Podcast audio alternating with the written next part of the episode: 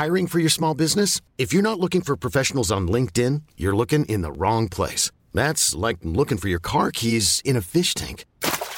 LinkedIn helps you hire professionals you can't find anywhere else, even those who aren't actively searching for a new job but might be open to the perfect role. In a given month, over 70% of LinkedIn users don't even visit other leading job sites. So start looking in the right place. With LinkedIn, you can hire professionals like a professional. Post your free job on linkedin.com slash achieve today. When you're ready to pop the question, the last thing you want to do is second guess the ring. At Bluenile.com, you can design a one-of-a-kind ring with the ease and convenience of shopping online. Choose your diamond and setting. When you find the one, you'll get it delivered right to your door. Go to Bluenile.com and use promo code LISTEN to get $50 off your purchase of $500 or more. That's code LISTEN at Bluenile.com for $50 off your purchase. Bluenile.com code LISTEN. Hey there, it's Michelle Norris. I'm host of a podcast called Your Mama's Kitchen. When I travel, I'm usually looking for a way to find a taste of home when I'm not at home. And one of the things I love to do when I am at home is entertain. And Airbnb allows me to do that. When I was in California recently, I rented a house that had a great kitchen. And when we were sitting around the table, we we're all thinking, we're in someone else's house. Someone could be in all of our homes as well.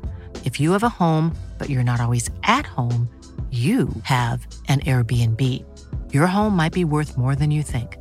Find out how much at airbnb.com/slash host.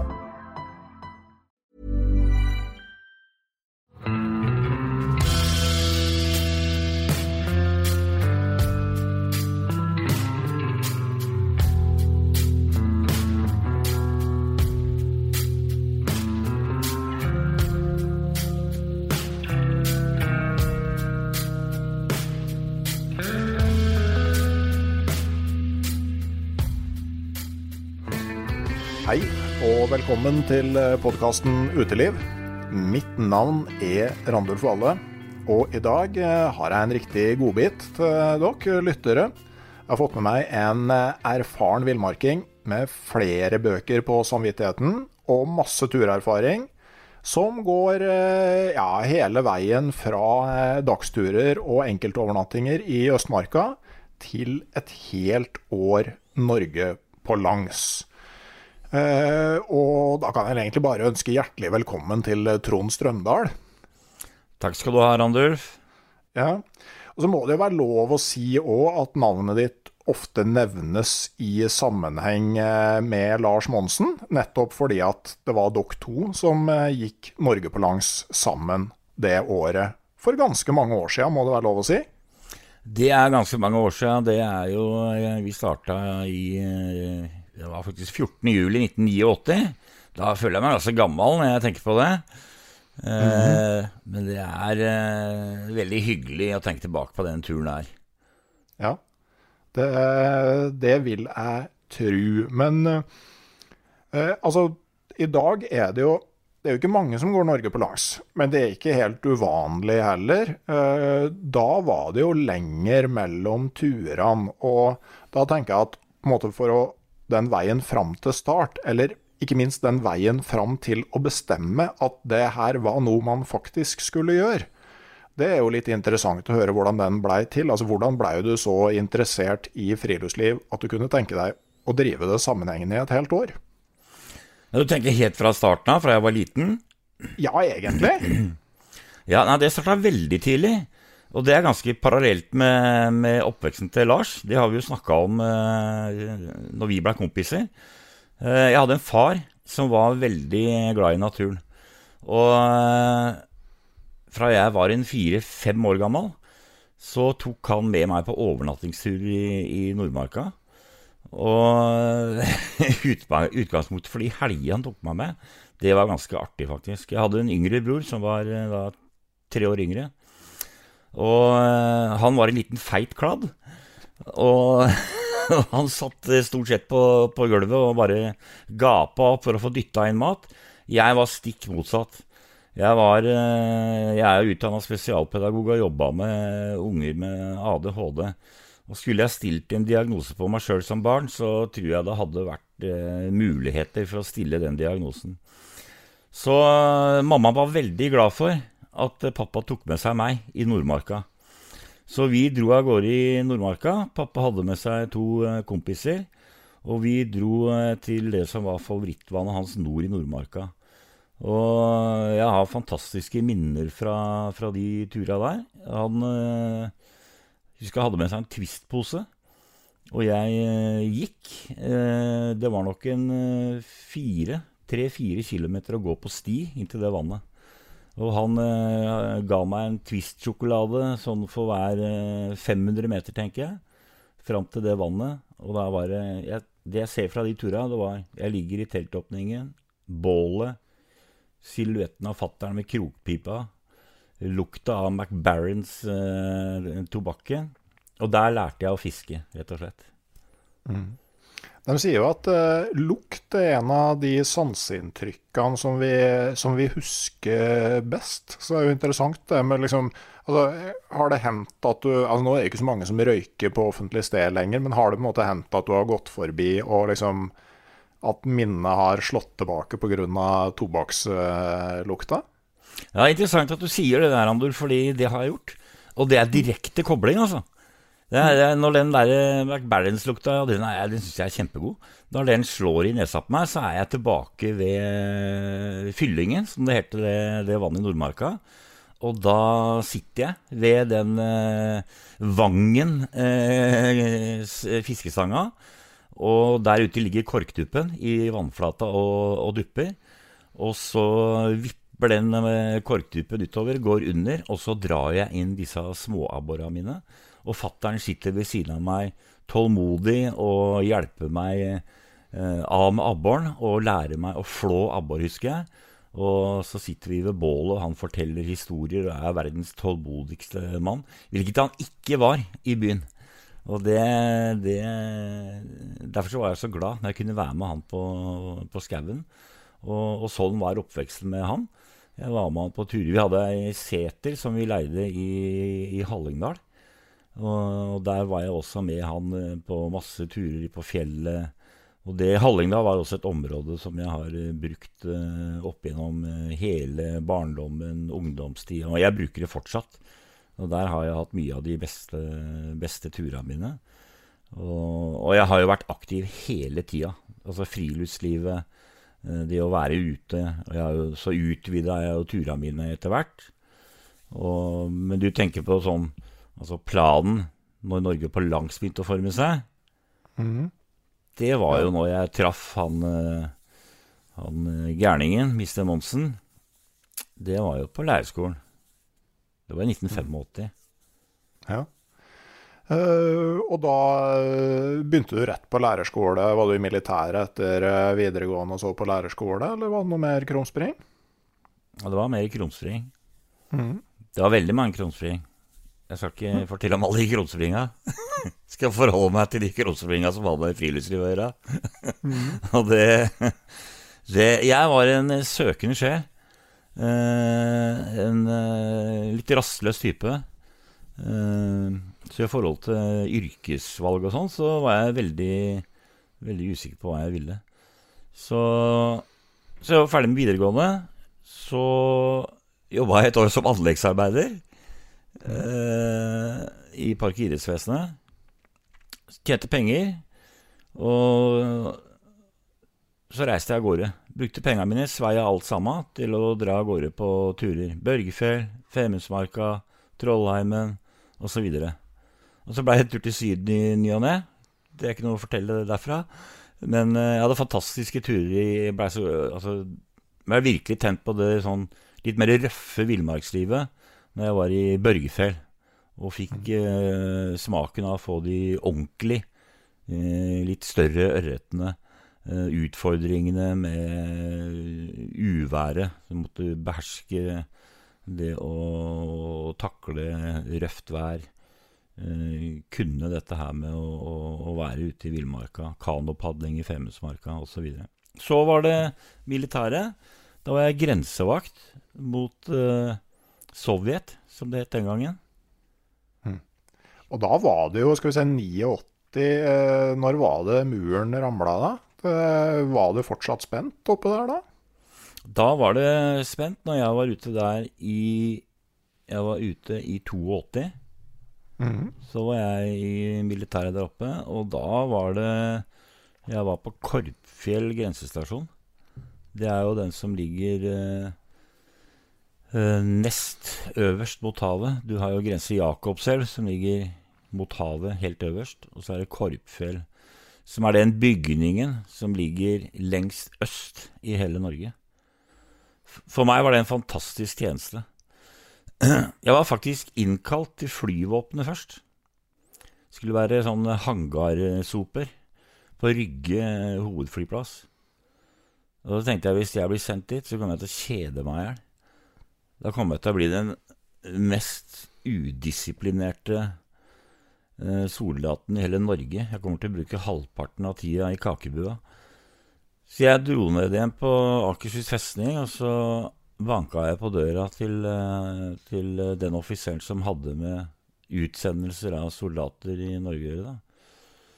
Så sa han eh, ja, vær så god. Og så gikk jeg inn, og så så sånn, ja, sitt ned, hva, hva kan jeg hjelpe deg med? Så fortalte jeg dem at jeg blitt innkalt til uh, tjeneste på Rygge flystasjon.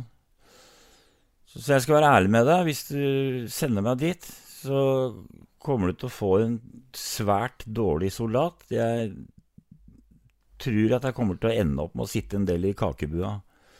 Men hvis du sender meg som grensesoldat, grensevakt, opp mot grensa til, til Sovjet, eh, hvor jeg kan få være litt ute i villmarka og, og bruke egenskapene mine der, for der er jeg ganske god, så skal jeg love deg at du får en eh, soldat som gjør jobben sin skikkelig.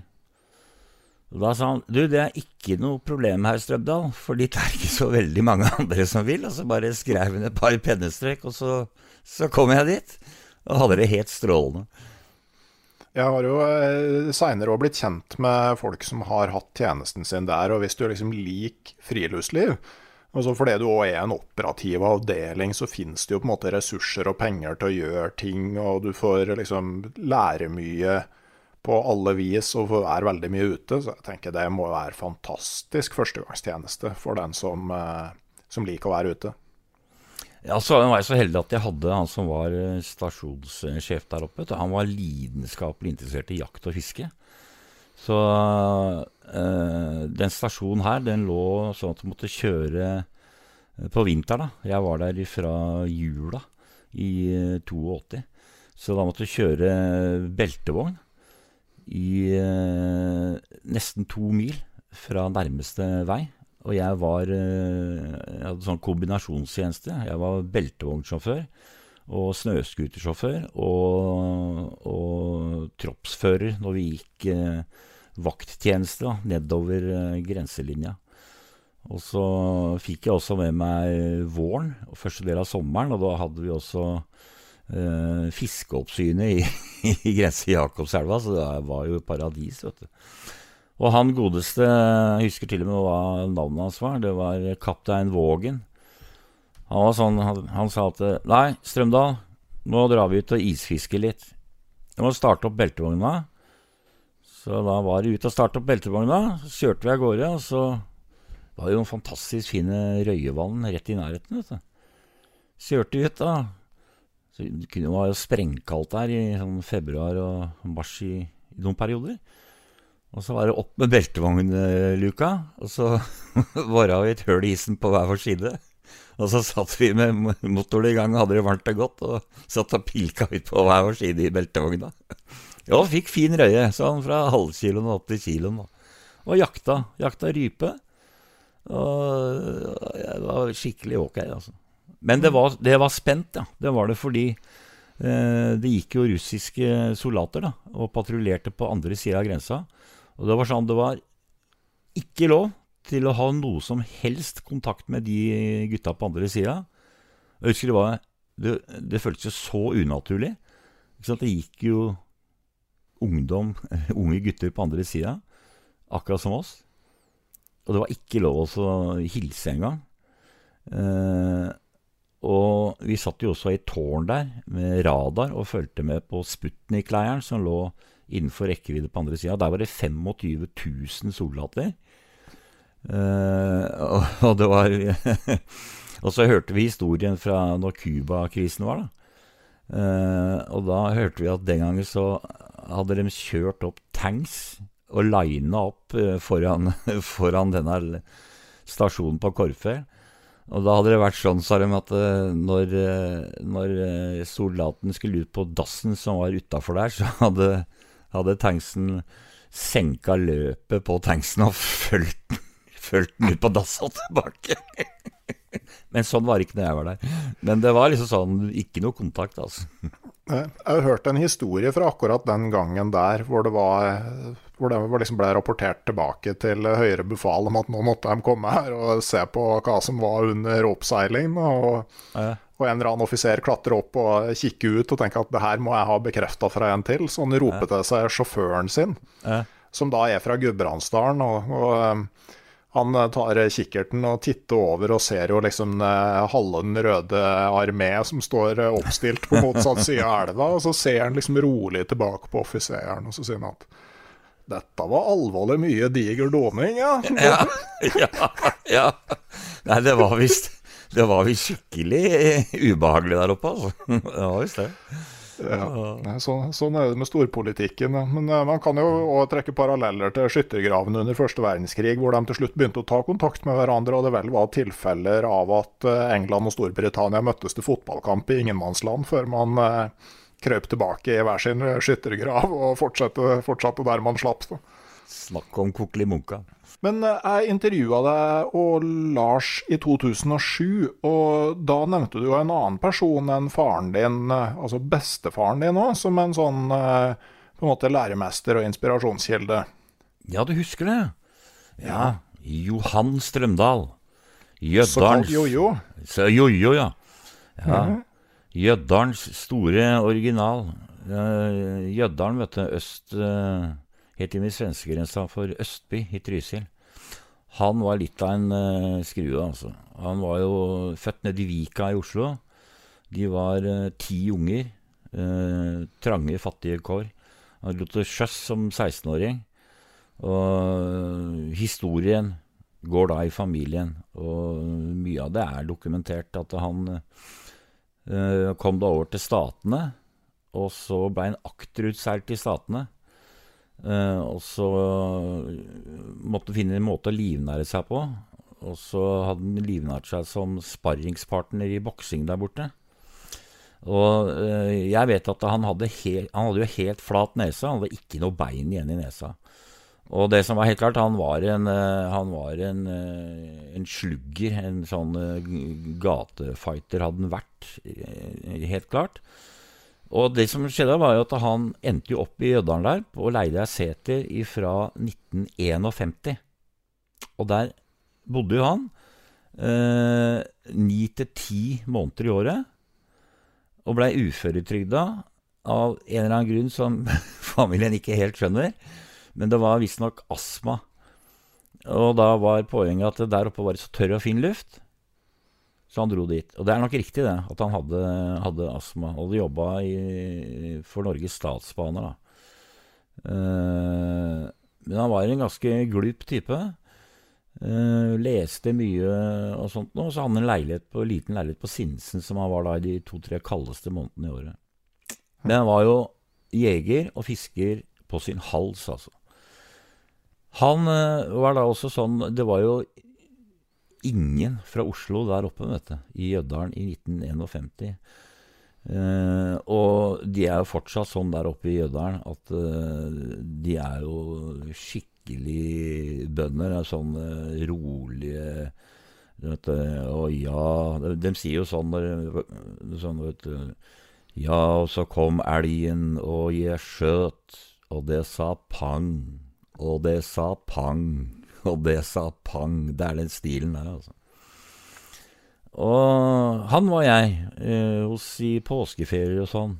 Fra jeg var seks år, dro jeg sammen med storebroren min. Og han var eh, Som sagt, han var eh, Det var ikke noe tvil om det, at når han, eh, Når han tok seg en dram, det tålte han ikke. Da, da gjorde han aldri sammen med meg. Men da var, sånn, da var han rett og slett en, en streetfighter. Altså. Ei bølle utenfor byen og sånn. Uh, når, han på, når, han kom hjem fra Jødalen og var på Sinsens, da skulle han ut på byen og være fin mann, og da lå folk liksom Da var restauranten rydda, altså. Men mot meg så var han verdens flotteste bestefar, og han var smart nok til å skjønne at når han var oppe i Jødalen, så oppførte han seg pent og holdt seg inne med bønna. Han tok meg med ut og lærte meg alt om spor og randeleiker, tiurleiker osv. Så, videre.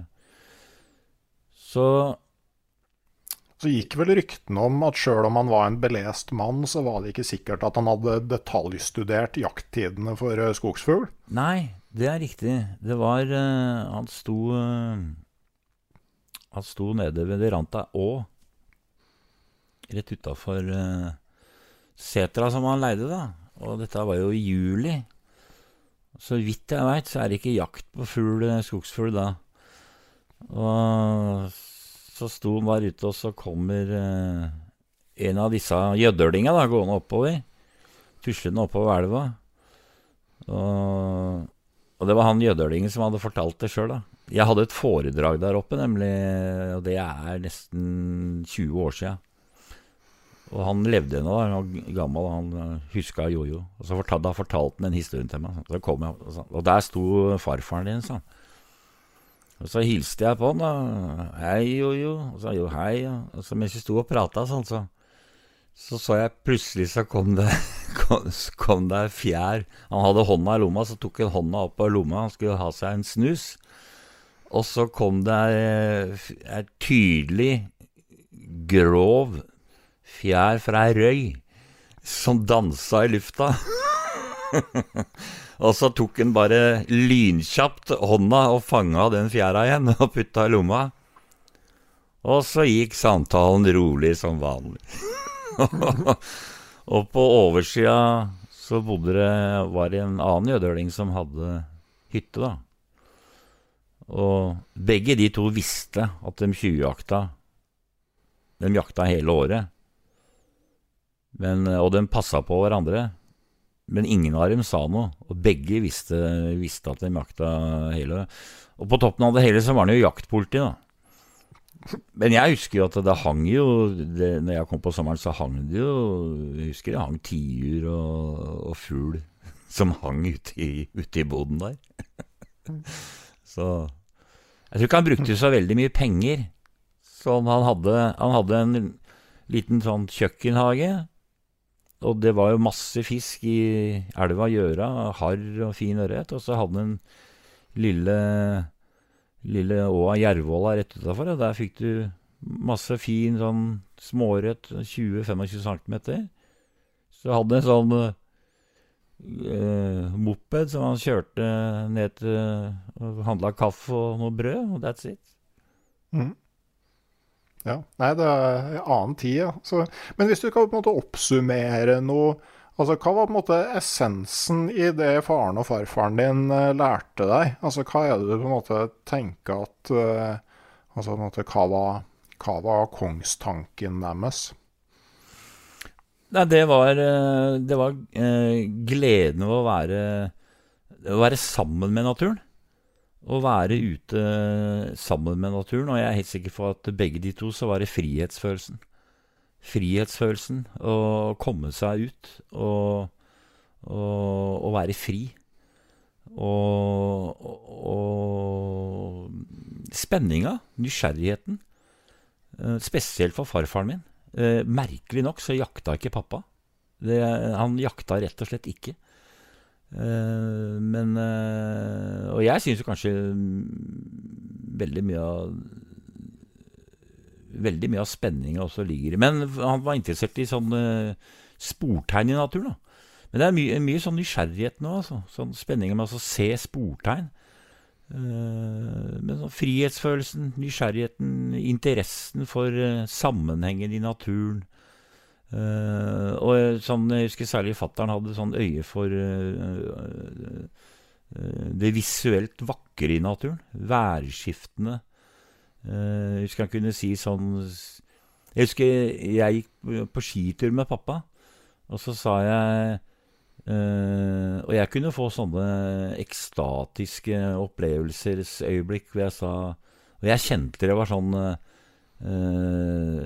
Altså, det slo i meg sånn uh, At jeg liksom gikk av hengsla av en sånn lykkefølelse. Hvor jeg husker jeg sa til faren min sånn Pappa, se, ja, se, fy søren, se hvordan det glitrer i snøen. Og se på den dompapen. Se de rødfargene. Og det er, det, er så, det er, så, pen, pappa, at jeg nesten begynner å grine. Så så faren min på meg og sa han, Du har det, du, gutten min. Du har fått det. Du har fått det, du, gutten min. Og det er sånn, altså. Ja. Du skjønner hva jeg mener, mm. Skjønner det. Ja. Det, det, det, er veldig fint, da. Men så traff du da Lars, og jeg skjønner jo at du hadde jo ganske solid erfaringsgrunnlag, egentlig, som, eh, med tanke på en sånn eh, Norge på langstur. Men likevel, det å eh, Når dere to fant sammen, altså hvordan var liksom prosessen fram til det at dere bestemte dere for at en sånn tur skal vi faktisk gjennomføre, og, og satte et starttidspunkt? Nei, eh, Lars og jeg, vi hadde jo Vi fant ut uh, etter at vi traff hverandre på lærerskolen i 1985 Vi hadde ikke sett hverandre før det. Så rundt et bål da, i Nordmarka, eh, i dyp, dyp snø, så finner vi jo kjapt ut at vi har veldig felles uh, preferanser i oppveksten. Det er ganske lik, altså. Og så sitter vi og drømmer, vet du. Og, og tenker at uh, Skal vi ikke ta den litt uh, helt ut, da? Og rett og slett leve ute Leve ute i et år. Og da er uh, Og det syns jeg er interessant. Vi tenkte kanskje ikke så veldig bevisst på den gangen der.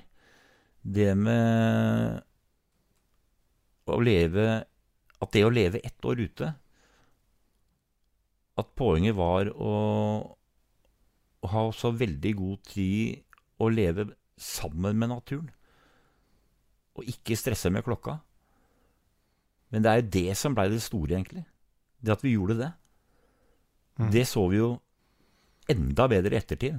At det var det som var den store opplevelsen. Og det er vi superglad for, altså. Ja. ja, for det er klart, altså du kan jo gå Norge på langs på tre måneder.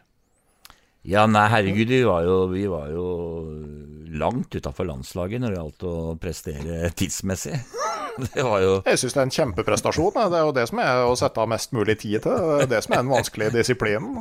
Ja, det, det er jeg helt enig i, faktisk. Det er, hvis, hvis, det var noe med det som var noen prestasjon i det hele tatt, så var jo, så var jo, så var jo den reisen vi gjorde i, i vårt eget sinn ved å være der ute så lenge.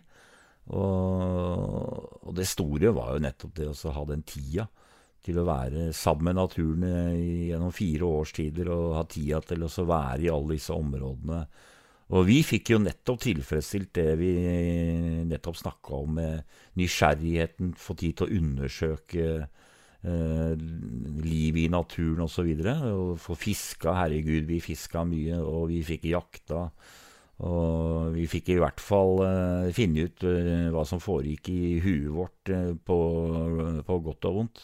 Det var veldig mye bra oppi huet, men det var ikke alt som var like bra. Så jeg har mm. hatt litt å jobbe med etterpå, men vi kjenner hverandre godt. Og vi kjenner ikke Jeg kjenner meg sjøl veldig godt. Mm. Men, men, samtidig, altså, turen starta jo ikke før i 1989, så så vidt jeg har forstått, så var liksom planen at dere skulle gjøre ferdig lærerskolen, ja. og så skulle dere ut og gå. Ja. Uh, men uh, den veien til start blei Altså, dere gjorde jo det, men den veien til start blei jo vesentlig mer kronglete enn det som var planlagt. Ja, den gjorde det. Det var vi var jo på masse turer første året på leirskolen der, etter at vi blei enige om den turen. Så var vi jo ute på hver eneste helg, så å si, så var vi i Nordmarka og overnatta. Og vi kom jo Duren inn eh, til undervisning stinkende av bål, og vi var ofte ute sånn midt i uka også. Bare dro etter skoletid inn i Nordmarka, overnatta og kom inn. Og så dro vi på, dro vi på turer eh, i, i sommerferien. Så dro vi på lengre turer. Vi var oppe i Sarek nasjonalpark og, og begynte å trene inn rutiner osv. Så, videre. Eh, så kom vi tilbake da, fra den treukersturen i, i Sarek. Det var en kjempetur, forresten. Eh, så ble jeg dårlig. Da begynte jeg å bli nummen i beina. Og så blei jeg kort fortalt lam fra nakken og ned. Og blei sengeliggende kobla til respirator. og var ikke spesielt eh, godt forberedt til å gå Norge på langs der jeg lå, kan du si. Nei, men tenk på, altså, den, du fikk jo en veldig sjelden sykdom. Ja, du kan, det beste Det mest interessante, i hvert fall, med, med den sykdommen, det er navnet. Mm. Det er eh, Og det er flott, altså. Det er uh, Guillain-Barré-syndrom. Det er ganske Ja. flott.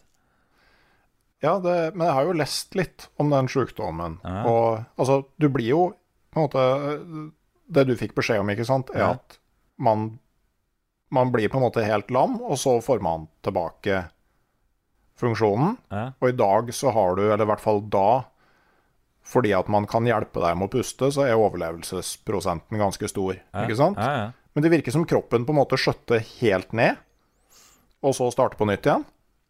Ja, det er riktig det.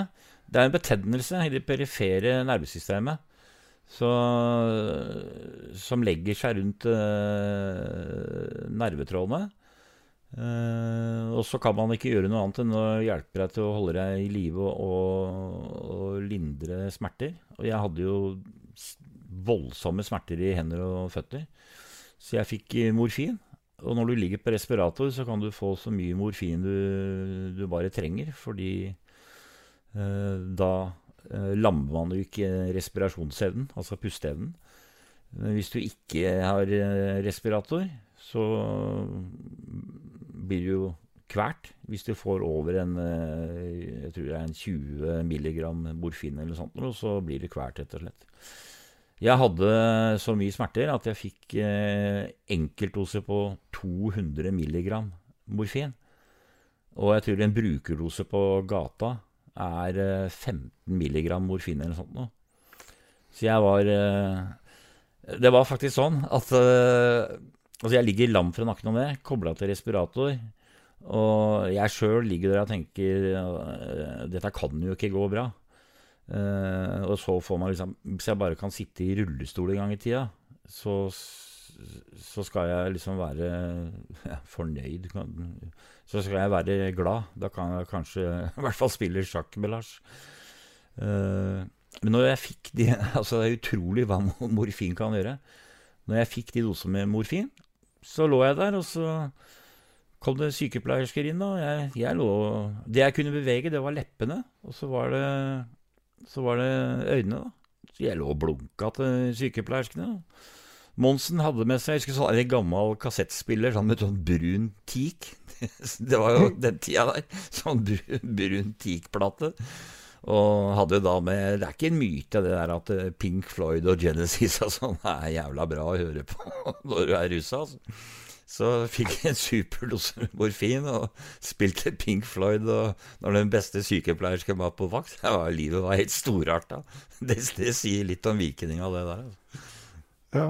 Men, men jeg har tenkt på sånn du beskriver eh, Har beskriver på en måte liksom det øyeblikket hvor de finner ut at de må koble deg på, på respirator, og du på en måte merker at du ikke klarer å puste sjøl. Altså det, det må jo være en sånn voldsom klaustrofobisk følelse?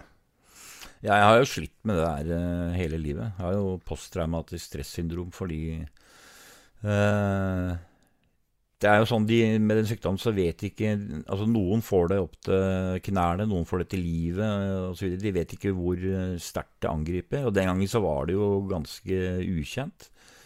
Eh, så de venter i det lengste med å koble deg til respirator. Og det var sånn de tok selvkritikk på etterpå. De venta for lenge med meg. Så jeg lå der og, og hadde omtrent ikke pusten. Holdt på å bli kvalt. Og den følelsen av å ligge så lenge som jeg lå, eh, det, det, er sånn som jeg har hatt mareritt om med jevne mellomrom eh, hele livet, og har fortsatt. Det Så det er klart, altså ja, Jeg slapp ikke unna den opplevelsen der uten å få men, som jeg har båret med meg hele livet og bærer med meg enda. Det, og så det å måtte venne meg av med morfinen også, det var svært ubehagelig. Men Men Men eh, Ja. Jeg var på en måte heldig. Ja, for, for når du når du har ligget 68 døgn på respirator og fått morfin i sånne doser som du snakker om altså, altså, Du er jo på en måte i praksis narkoman når du er gjennom det? Ja, jeg var jo, jeg var jo sterkt fysisk avhengig. Så, så, det løpet som ble kjørt da, eh, når da betennelsen gikk tilbake igjen eh, Og det skjedde jo sånn ja, Det var en historie der, da. Som, eh, og jeg tar med litt det som var litt artig også underveis. Jeg, jeg klarte faktisk å ha litt grann humor underveis. Jeg klarte det. Altså med, med smertestillende og sånn, så, så klarte å ha litt humor på det. Og Lars var en kjempekompis. Det skal han virkelig ha. Altså, han var faktisk til stede uh, fire-fem ganger i uka gjennom den tiden der. Og var jo innstilt på å gå Norge på langs eh, med meg, og var fast i sin tro på at jeg skulle komme meg på beina igjen. Legene sa jo det, at du vil eh, bli kvitt eh, den betennelsen, og du, du, vil bli bra igjen, sa de. Selv om sannheten er jo at det er en del som blir sittende i rullestol for alltid også. Men det er jeg glad for at de ikke fortalte meg. Og jeg kom meg jo på beina igjen. Men men når det begynte å komme tilbake igjen, da, følelsene, betennelsen gikk bort, så, så merka jeg først at den ene, ene armen begynte å komme, komme i liv i. Eh, og så begynte jeg å kunne puste igjen. Og da eh, begynte jeg å trene meg av respiratoren, så jeg pusta da en halvtime uten respirator. Og da måtte de jo eh, Tok de også testa om stemmebåndet, om stemmen virka. Så da når de tok av respiratoren, så tok de og teipa over det hullet jeg da har i halsen, for å høre om det var lyd. Og det glemmer jeg aldri. Så teipa det over, så sa de eh, Trond, prøv å si noe nå. så husker jeg Hei! Hei! Jeg heter, hei, jeg heter Trond. og da hadde jeg ikke hørt min stemme på, på litt over to måneder. Det var, hørtes, var helt sjukt å høre på. Og så, så sa de Du, det, det, nå, nå ta og overrask eh, folket når de kommer og besøker deg nå. Og da var det Lars og faren min, da. De to mest eh, manne, mennemennene jeg kjenner, som skulle komme på besøk. Så kommer de to gutta ravende inn, vet du, ikke sant. Og ser på meg der med, med, med, svære øyne og er spente på hvordan formen er i dag, ikke sant. Altså, og det jeg alltid pleide å gjøre da jeg kunne De, første, de første 14 dagene så, så, smatta jeg bare. Etter hvert så lærte jeg meg altså å visle lyder uh, med leppene, sånn at det var mulig å forstå hva jeg prøvde å uttrykke. da. Men uh, så kom de inn, da, så spurte jeg hvordan står det til i dag, da. Så hun sa sånn sånn, Ganske bra, da, og så videre. Og så Og så gjør jeg sånn, da. Og så nikker jeg ned mot uh, venstre armen min, og så løfter jeg armen litt, da, sånn, vet du. Og så, og så ser en bort på meg, vet du. Og så Å, dæven! Se der. Å, dæven! Kan du løfte armen, Trond? Og så nikker jeg, da. Sånn, vet du. Ja. ja. det er jo fantastisk. Det er kjempe... Det er, nå går det framover her. Og så setter de seg ned, da. Og så, og så sier jeg Hallo, gutta! og så, så snur, snur hun seg og kikker rundt i rommet, vet du. Så, så, så ser hun på hverandre. Så sier jeg Hei, hei. så snur hun seg helt, vet du. Så sier jeg sier jeg Faen, det er uhøflig dere her. Jeg prøver jo å prate til dere, jo. og så ser de på meg, og så holder de på å le seg, vet du.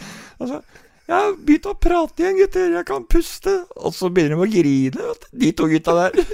Kommer de bort og klemmer meg, så står de to mest røffe gutta jeg kan tenke meg, holder rundt hverandre og står og griner. Det var, det var ganske Det var ganske sterkt, altså. Ja. Men eh, når eh, altså For du veide noen og 50 kilo da du, for du kom på Sunnaas sykehus for å bli trena opp igjen.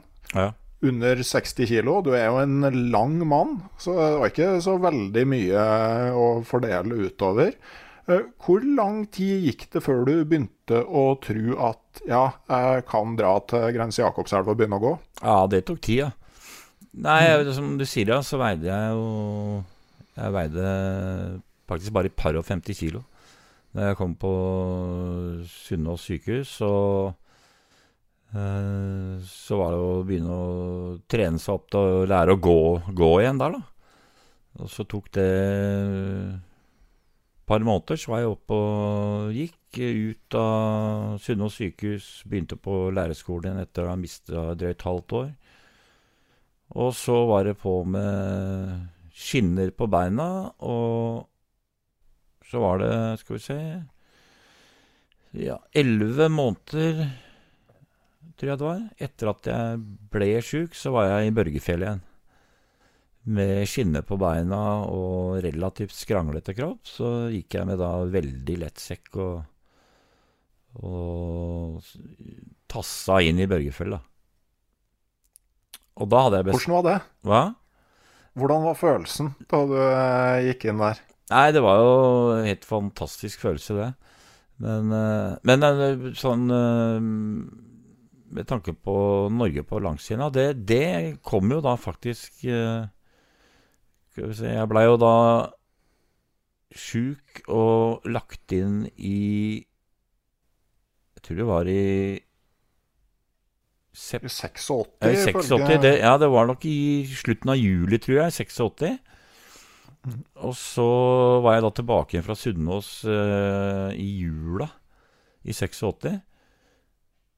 Og så jeg, tror jeg var oppe på beinet, så tror jeg faktisk at det var sånn at uh, på vårparten i 87 så bestemte jeg meg for at det skulle gå an å gå Norge på langs uh, allikevel.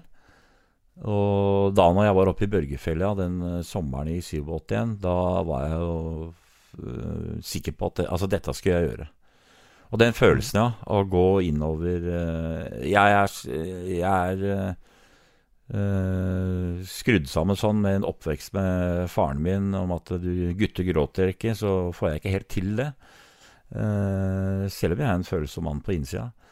Så, men da, når jeg gikk i Børgefjell der, og sto oppe på på Rainesklumpen og skua innover Ranseren og sørover mot uh, Saksenvann og videre der. I godvær. Og snøen på toppa og kjente Kjente en vestavind som dro over i, i luggen. Da sto jeg aleine. Så da, da kom tårene og trilla nedover kinnene også. da Da kjente jeg at det slapp løs ganske lenge. Sto jeg der da. Da tenkte jeg Da tenkte jeg det er utrolig hva et menneske kan kan tåle. Og komme tilbake og, og leve videre. Og så er det helt utrolig hvor lite et menneske kan tåle. Og forsvinne. Og så tenkte jeg veldig mye på sånn tilfeldighetenes spill i livet. Og da bestemte jeg meg for én ting, og det var at det livet jeg har nå, det skal jeg ta vare på. Og så bestemte jeg meg for at det livet jeg har nå, det skal jeg bestemme over. Den veien jeg skal gå videre nå, den skal jeg bestemme. Jeg skal ikke la meg påvirke av hva verken foreldra mine mener jeg skal gjøre, eller hva andre mener jeg skal gjøre. Det er én ting jeg skal, eh, skal. Jeg skal eh, de valgene jeg tar Jeg skal ikke ikke gjøre noe som som er vondt mot mine medmennesker, eller går utover mine medmennesker. Men ellers så, så skal jeg få lov å bestemme og gjøre det jeg har lyst til. Det bestemte jeg meg for der og da. Og det jeg har jeg gjort. Ja. Og da hadde dere derifra to år da, til, til starten skulle gå på Norge på langs. Mm. Mhm. Og det ble mye trening for min del. Masse fysisk trening og, og mentaltrening. Og mye trening sammen. Masse turer sammen, Lars og meg. Mm. Bra turer. Veldig bra. Altså det kameratskapet eh, som vi hadde den gangen, og de tura der, det var eh, Jeg kaller det den jomfruelige tida, jeg. Den gangen, eh, den gangen alt var på Alt var på basic. Vi var Utstyrsmessig så var det på basic. Vi hadde jo ikke noe særlig penger som studenter, ikke sant, og vi hadde rødspritapparatene våre. Vi, vi hadde den helt jomfruelige nysgjerrigheten. Det var ikke Ikke var mobiltelefoner. Det var en helt annen tid. Og jeg husker den sånn Ja, det var veldig sånn Jeg husker vi Nei, det var den sånn uh, jomfruelig, det gutteaktige preget, nysgjerrigheten uh, Vi hadde ikke opplevd så mye enda. Og så var det ikke minst den derre Jeg sier altså uh, Man setter seg jo mål i livet i etapper underveis. Og det der er vel kanskje det største målet som jeg har satt meg i livet mitt, egentlig. Og for Lars så var jo det det som Det der var jo det som har uh, drevet han hele veien. Uh, men det var altså det, det, det sånn Det kameratskapet der som lå rundt rundt uh, naturopplevelsene den gangen. Det var en sånn betingelsesløs samvær rundt naturen. Betingelsesløst samvær. Det var ikke basert på at det skulle oppnå noe, egentlig. Bortsett fra å dra på den turen. Og det var noe sånn veldig godt over, syns jeg. Mm. Men um, det kommer liksom til, til starten på, på uh, Norge på langs. Altså, uh, dere brukte veldig god tid i nord. Det gjorde vi. Det var jo det var jo mørketid, blant annet. Ja, men det var jo en stund altså, Dere starta jo på sommeren i Grense Jakobselv. Ja. Og liksom, Det er jo for, forskjellige måter å gjøre det på, men dere valgte å følge, dere valgte å følge grensa. Eh, var det liksom eh, grensejeger Strømdal som eh, tenkte at her må vi ta oppdraget til den ultimate ende, eller var det noen grunn til at det var det dere valgte, og ikke Nordkapp? Nei, jeg er tilhenger av et forsvar i Norge, men, men jeg, ikke, jeg tar den ikke så langt ut. Nei, det var rett og slett at vi anså det som at det er den delen av strekningen i Norge på langs hvor det er mest uberørt natur. Sammenhengende. Så det var grunn. Pluss at uh, vi ville ha en uh, sånn greie på turen, liksom. Sånn Norge på langs, langs grensa. Men det er jo særlig det at det er uh, den strekningen hvor vi syns det var den type villmark hvor vi ønska å gå. Hvor det var uh, minst veier og bebyggelse underveis. Mm. Og at det var fra liksom, havet i nord til havet i sør der, så det var vel, det var vel sånn vi tenkte, mener jeg. Mm. Nei, det, liksom, du får jo med deg veldig mye fint i Finnmark, med Pasvik og Gallok og Anarjohka og de områdene der. Og alt det der fikk dere jo egentlig på barmark? Det gjorde vi. Men uh, Så vi har jo sånn, tenkt etterpå sånn valg av tidspunkt på år og, og, og mange ting da, som vi er litt sånn i tvil om vi kunne valgt annerledes. Men, men vi valgte nå det. Og, og det med mørketida og sånn, det er klart at det, det, har, det har for så vidt ikke noe for seg i det hele tatt å, å ligge oppe i fjellet, fjellene der i mørketida. Bortsett fra at det er, det er, en nødvendig del av en reise på et år, når du velger det. Eh, men det det har noe for seg, det er at det er jo en spennende opplevelse i forhold til, eh, til eh, Altså, hva Hvordan takler du det, da? Hvordan takler du å leve i telt sammen med en kompis i mørketida på fjellet i to måneder, hvor det er grålysning fire-fem timer, og det kan være kaldt? Og så er det det hvordan Altså, det er Du, du skal jo du skal jo være våken, og du skal jo være fokusert, og du skal vite hva du driver med der ute. Det kunne, det kunne helt fint ha gått gærent flere ganger. Eh, og det var jo på nippet et par ganger også.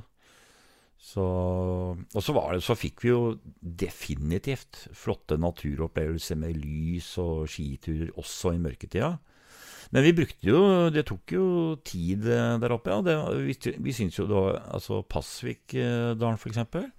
Og fantastisk flott. da, Vi hadde jo kjempevær. Og, og, det var sånn vi var så glad for Det oppdaga vi veldig fort. Kom til Pasvik. Gudskjelov at vi valgte et år, sa Lars. Det er helt supert. Her blir vi Nå slår vi opp teltet. Her blir vi i hvert fall ei uke. Ellenkoia. Her blir vi ei uke. Tassa rundt der. Bare, vi bare tusla rundt.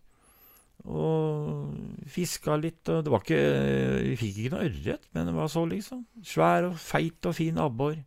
Flådde abboren. Og fyra tyribålet, svartskjellen, kaffe.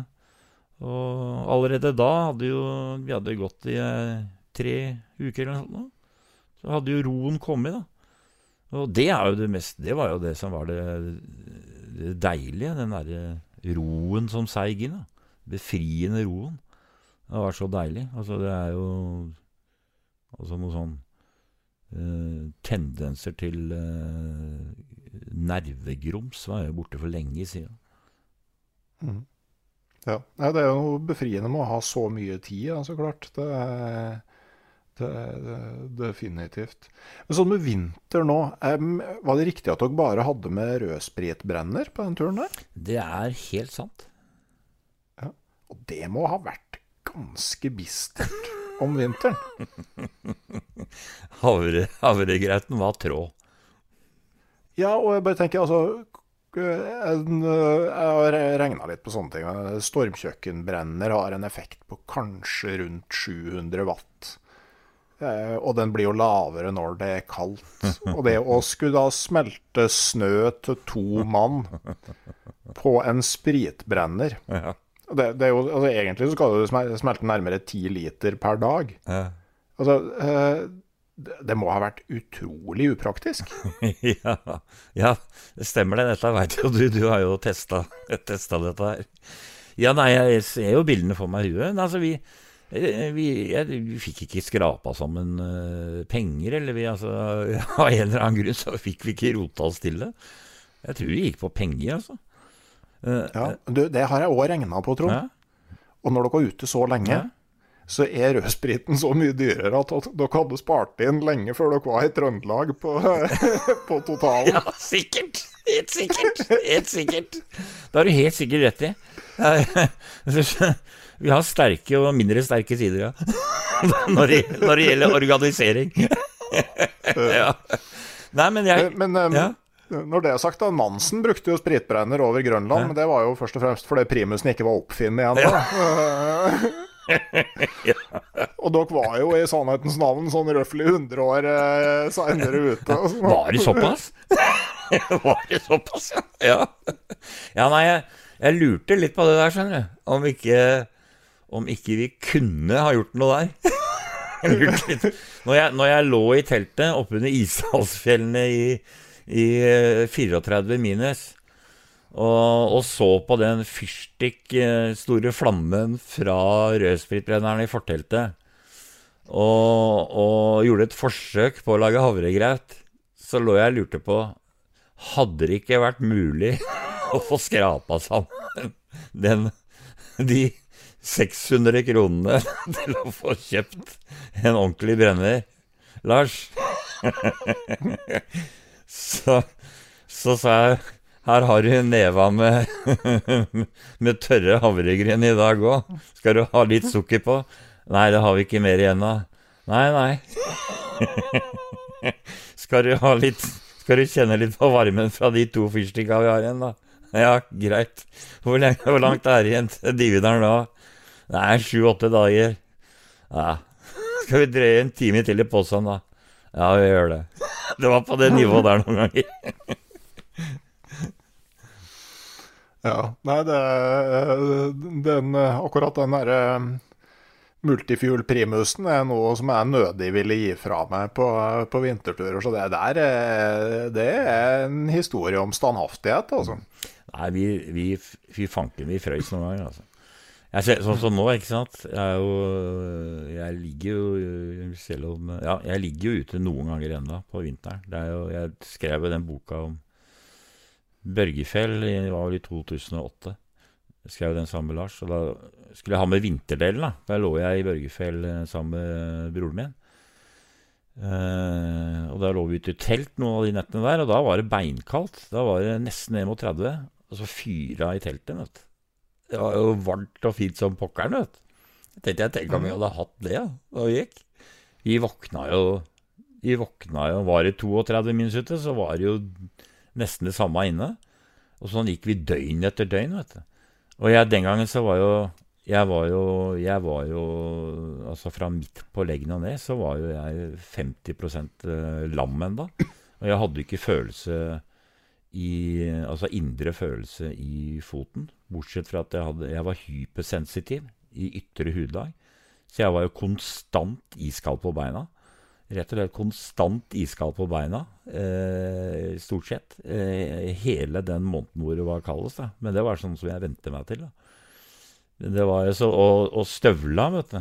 Vi skulle ta på støvla om morgenen. Så måtte jeg måtte jo banke beina nedi ned i iskalde skistøvler. Og anorakken sto jo av seg sjøl.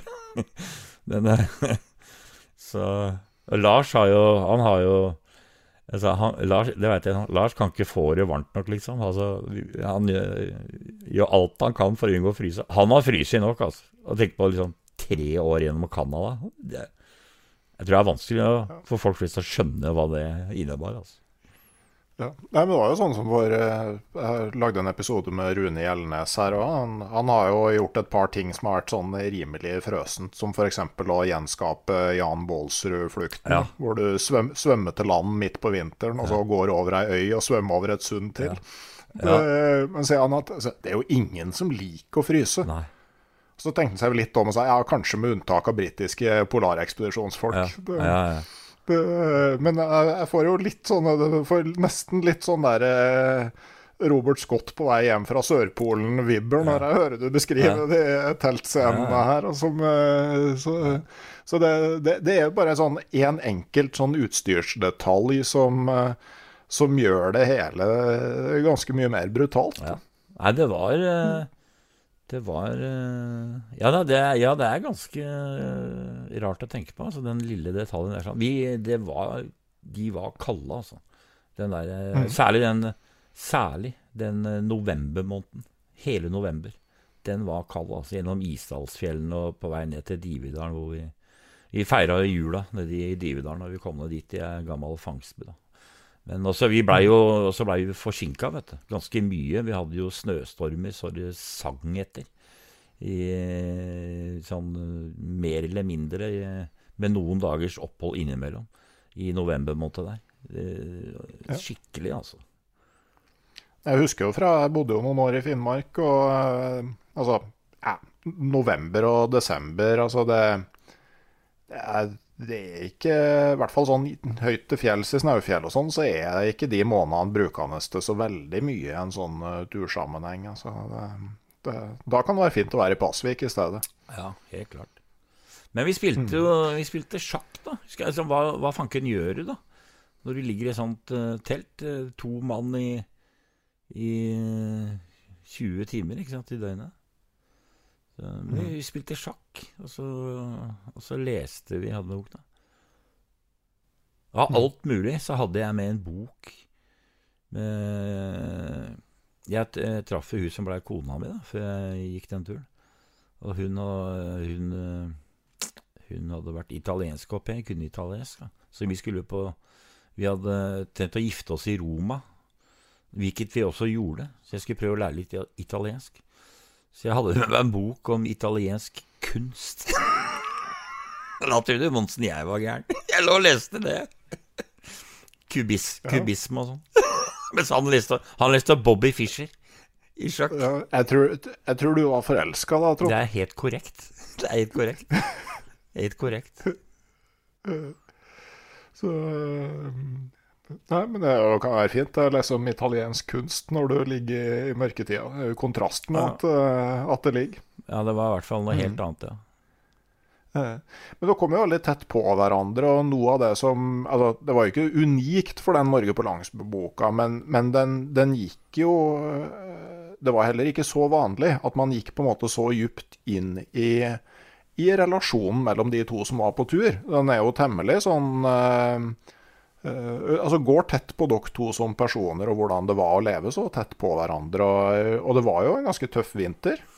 Ja da, nei, det er jo Lars har jo, har jo skrevet uh, Har jo skrevet uh, så å si hele boka, bortsett fra at jeg har skrevet den uh, delen som har med sykdommen og innledningen å, å gjøre. Og han har jo Vi har selvfølgelig vært enige om, enige om det innholdet. Og det er riktig, vi blei enige om det å være, tørre å være åpne på på det som var av, av uh, ubehagelige stemninger som oppsto. Og, og det, det blei det til tider. Og det, det som jo Og det var jo Kommer jo selvfølgelig i takt med hvordan vårt sinn uh, forandra seg. Uh, i, I forhold til det å være f.eks. i mørketida å ligge i telt eh, når det ikke skjedde noe. Og det var det, det, var det eh, som skjedde. Når det ikke eh, var forflytningsmuligheter, når du ble liggende stille, eh, og det ikke skjedde noe over tid, da eh, var det lett å begynne å bli eh, irritert. Men hvis det var action, det merka vi med en gang altså når det blei storm, f.eks. Da bare handla vi eh, automatisk, for vi hadde trent eh, i lang, lang tid. Altså. Vi hadde brukt disse åra til å trene. Så det var sånn eh, militært eh, innøvd. Da, da samarbeida vi tett, eh, og ikke noe trøbbel. Men, eh, men det kunne gå på sånne bitte små ting. En, man blir jo, du er ikke i superhumør hver dag hele året. Ingen av oss i hvert fall. Uh, da kunne det være at én var i dårlig humør og slang en, en, en, unødvendig melding til den andre. Og så, det, og så ble man fornærma. Og på oss så gikk det på Vi ble rett og slett Vi retarderte til treårsstadiet. Rett og slett treårsstadiet, altså. Og jeg tok meg sjøl i at er det mulig, Strømdal? altså? Det, jeg, altså Du som spesialpedagog, klarte du noen gang å på en måte se det fra den uh, synsvinkelen? Ja, jeg så det mens jeg var der, men jeg klarte ikke å gjøre noe med det. Ja. Altså, nå er du tre år, men jeg vil faen ikke innrømme det. Og Lars var akkurat på samme måten. Altså Vi var sånn Vi, vi ble vi er, begge, vi er nok begge to sånn den gangen. Uh, så var vi Vi var sånn altså Vi, vi blir sure og, og blir stille.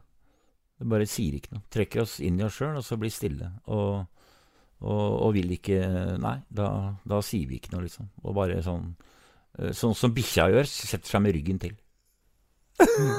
ja. Ja. Jeg har tenkt litt på det her, for jeg liker veldig godt å trekke tråder mellom forskjellige episoder i denne podkasten her. Og for det begynner å bli en stund siden nå, så hadde jeg en episode som jeg liker veldig godt, med Sigrid Sandberg og Anders Bakke, mm. som har skrevet en bok som heter 'Polar kjærlighet'. Mm. Og der har de et veldig fint lite stykke om uh, det to dansker. Mm. De skal opp til Grønland for å lete etter en, en forsvunnen ekspedisjon, og drar fra et skip. Og når de kommer tilbake, så er skipet søkk borte, for det er blitt skrudd ned, og mannskapet er blitt henta ut. Så de må overvintre alene. Mm. Ligge igjen noe mat. Og de må overvintre én vinter. Kommer ingen og henter dem sommeren etterpå. Overvintre en vinter til. Og noe av det de har, da, det er et postkort med bilde av 53 danske kvinner oppstilt i skoleuniform utenfor en sånn husholderske skole. Ja. Og de demonterer kikkerten for å kunne bruke linsene til å se nærmere på de damene. Og har sine favoritter og sånn. Og det her er Iversen, og så det er Mikkelsen. Og plutselig en dag så sier Iversen at postkortet er mitt. Og da er pikene også mine. og Mikkelsen er liksom sjokkert og fornærma. Og så går de helt i forsvarsposisjon, begge to. Snakker ikke med hverandre. Det dørgende stille i to døgn. Ja. For de må ryke uklar om de damene på det postkortet som de egentlig ikke vet hvem er. Nei, nei, nei, nei. Og det til slutt da, så er det Iversen som reiser seg opp, da, han som i utgangspunktet ville ha damene for seg sjøl. Mm. Skriver noen ord på en lapp og går ut, og så banker han på døra. Og så eh, sier Mikkelsen 'kom inn', og da er det postmannen som kommer. Mm. så han pak da har han pakka inn det der kortet da, med en sånn beskjed om at du kan få alle sammen hvis du bare er glad igjen. Deilig. Ja. Det er så bra. Ja. Ja. Og jeg tenker det er liksom sånn litt det uh, når, når ei gruppe mennesker er isolert for seg sjøl, være seg stor eller lita gruppe, så blir sånn små ting kan bli veldig store. Ja. Ja, men det er det, vet du. Og så er det, ja. Ja, og så er det fryktelig vanskelig å, å finne den løsningen som eh, som, eh, som letter det opp igjen. Og, så er det det når du ikke, når du ikke kan få uh, på, Altså få påvirkning eller liksom uh, være sammen med andre, andre mennesker, da. Altså det, du, er liksom, du er låst i situasjonen sammen med den ene personen. Uh, men det, det, det, jo, det, vi to lærte da, av, av kommunikasjonen som, som, gjorde at, at, vi ble sure, eller gikk i vranglås underveis de gangene vi gjorde det, som gjorde at vi Jeg blir jo sånn da at liksom, hvis, hvis, det, blir sånn at, at det blir Og sånn er jeg generelt altså med folk. Hvis det blir sånn at, eh, at jeg syns folk er vanskelige og, og, håpløse Og det betyr ikke at det nødvendigvis er de som er det, men det betyr at jeg ikke går overens med dem. Da er jeg sånn at da ønsker jeg bare å, å komme meg bort. Da, da, kan, da, klarer jeg meg greit sjøl. Eh, og uh, men, men, men eh, vi, vi, skulle jo være sammen. Eh, så jeg, liksom, jeg, kan ikke, jeg, kan ikke, stikke av her. Mm. og, da, da, og, det hadde vi blitt enige om, at vi skulle kommunisere om å løse det. Og det klarte vi. Og det er, det er, Noe av det vi var mest fornøyd med på den turen, eller veldig fornøyd med, var at vi kom oss til Halden som venner. At vi hadde klart å løse de tingene underveis. Men det vi lærte, det var at Og det hadde vi forberedt oss på nøye, faktisk. Vi visste at det kom til å bli utfordringer på det planet. Uh, ut fra hvilke personligheter vi er. Det hadde vi skjønt før vi dro. Uh, men det gikk på det, og det har jeg hatt mye uh, glede av i livet etterpå. Det går på hvordan du kommuniserer. Og det er at når du venter så lenge på irritasjonen over den andre at du sprekker og går rett på person med en drittslenging på personen, istedenfor å bruke tida på å fortelle hva det gjelder. Da kan det gå gærent. Og det var det vi gjorde. ikke sant? Altså, du kom med sånn Faen, du er en uh, Helvete kan du ikke gjøre. Uh, er ikke mulig å uh, Sånt noe. Istedenfor å si at uh, du, de der greiene der, det er litt vanskelig for meg hvis du gjør det. jeg har ikke noe problem med deg, Trond. Du er en kjempe, kjempekar, du. Men det at du driver og øh, legger de sokka dine helt oppi nesa mi hver kveld. Du, kan ikke du bare flytte dem litt over på din side? Så går dette fint, dette her. Det er ikke noe vondt ment i forhold til deg, liksom. Istedenfor 'fy faen, du er en jævla gris'. Sånn har det vært nå faen meg i to måneder. Du har ikke klart å fikse dette her enda. Ikke sant? Altså, den stilen der, da. Mm. Ja, så beit jeg merke at dere, dere hadde liksom forutsett mye som kunne være vanskelig, men som du sa, altså, eh, at dere ikke forutså at våren, når forholdene blei enklere, at det faktisk kom til å være en utfordring fordi man ikke var så avhengig av hverandre lenger. Det var interessant. Ja, det er riktig, det. Det er riktig, det. Og da ble det jo også sånn at vi Da visste vi jo at vi kom til å klare det. Det var vi jo da helt sikre på. Uh, og da hadde vi vært så lenge sammen også at uh, behovet for å kunne gå litt hver for oss uh, Særlig jeg fikk et stort behov for det. Å kunne få lov å ta en liten sving aleine og kunne møtes igjen og ha noe nytt å, å fortelle om. Den ble ganske, ganske stor. Og, og etter å ha prata litt om det, så fant vi at det, det var ikke noe mål om at vi skulle gå, gå ved siden av hverandre, på en måte. Hele turen ned. At det kunne være rom for å gå, gå hver for oss noen dager og treffes igjen. Og at det kunne være en berikelse for turen, og det blei det. Og det blei også sånn at uh, Lars hadde en presenning uh, som han bodde under, og jeg hadde et, uh, et enmannstelt. Og fordi det ble, det ble, da ble det så Alt ble så lett. det var ikke noen utfordringer som bandt oss sammen så tett i forhold til å løse oppgaver. Eh, at da, da, begynte det å bli eh, Behovet for å være litt mer selvstendig ble så stort at det, vi kjente det begynte å ulme litt i forhold til eh, mulighetene for mer konflikter. Så det var nok jeg som var mest der, altså. Så jeg kjente at jeg tror vi må gjøre noe. Ja. Jeg skal snart slippe Norge på langs, men det var bare én ting jeg kom på. For det var jo oppi en skikkelig storm, jeg mener det var oppe i Troms hvor dere bodde på ei hytte, og så går du ut på dass. Det stemmer, det. Og så kommer du ikke tilbake igjen. Det stemmer, det. Det stemmer, det. Det var eh, Det var eh, like før vi kom ned til eh, til Dividal. Og da det var ei DNT-hytte der, som jeg ikke husker navnet på faktisk i farta. Eh, men da hadde vi gått gjennom Isdalstinnet. Og hadde igjen ca. ett døgn ja, før vi kom ned til uh, den bondegården vi hadde en avtale med. Og da hadde vi Da var vi som sagt veldig forsinka, altså.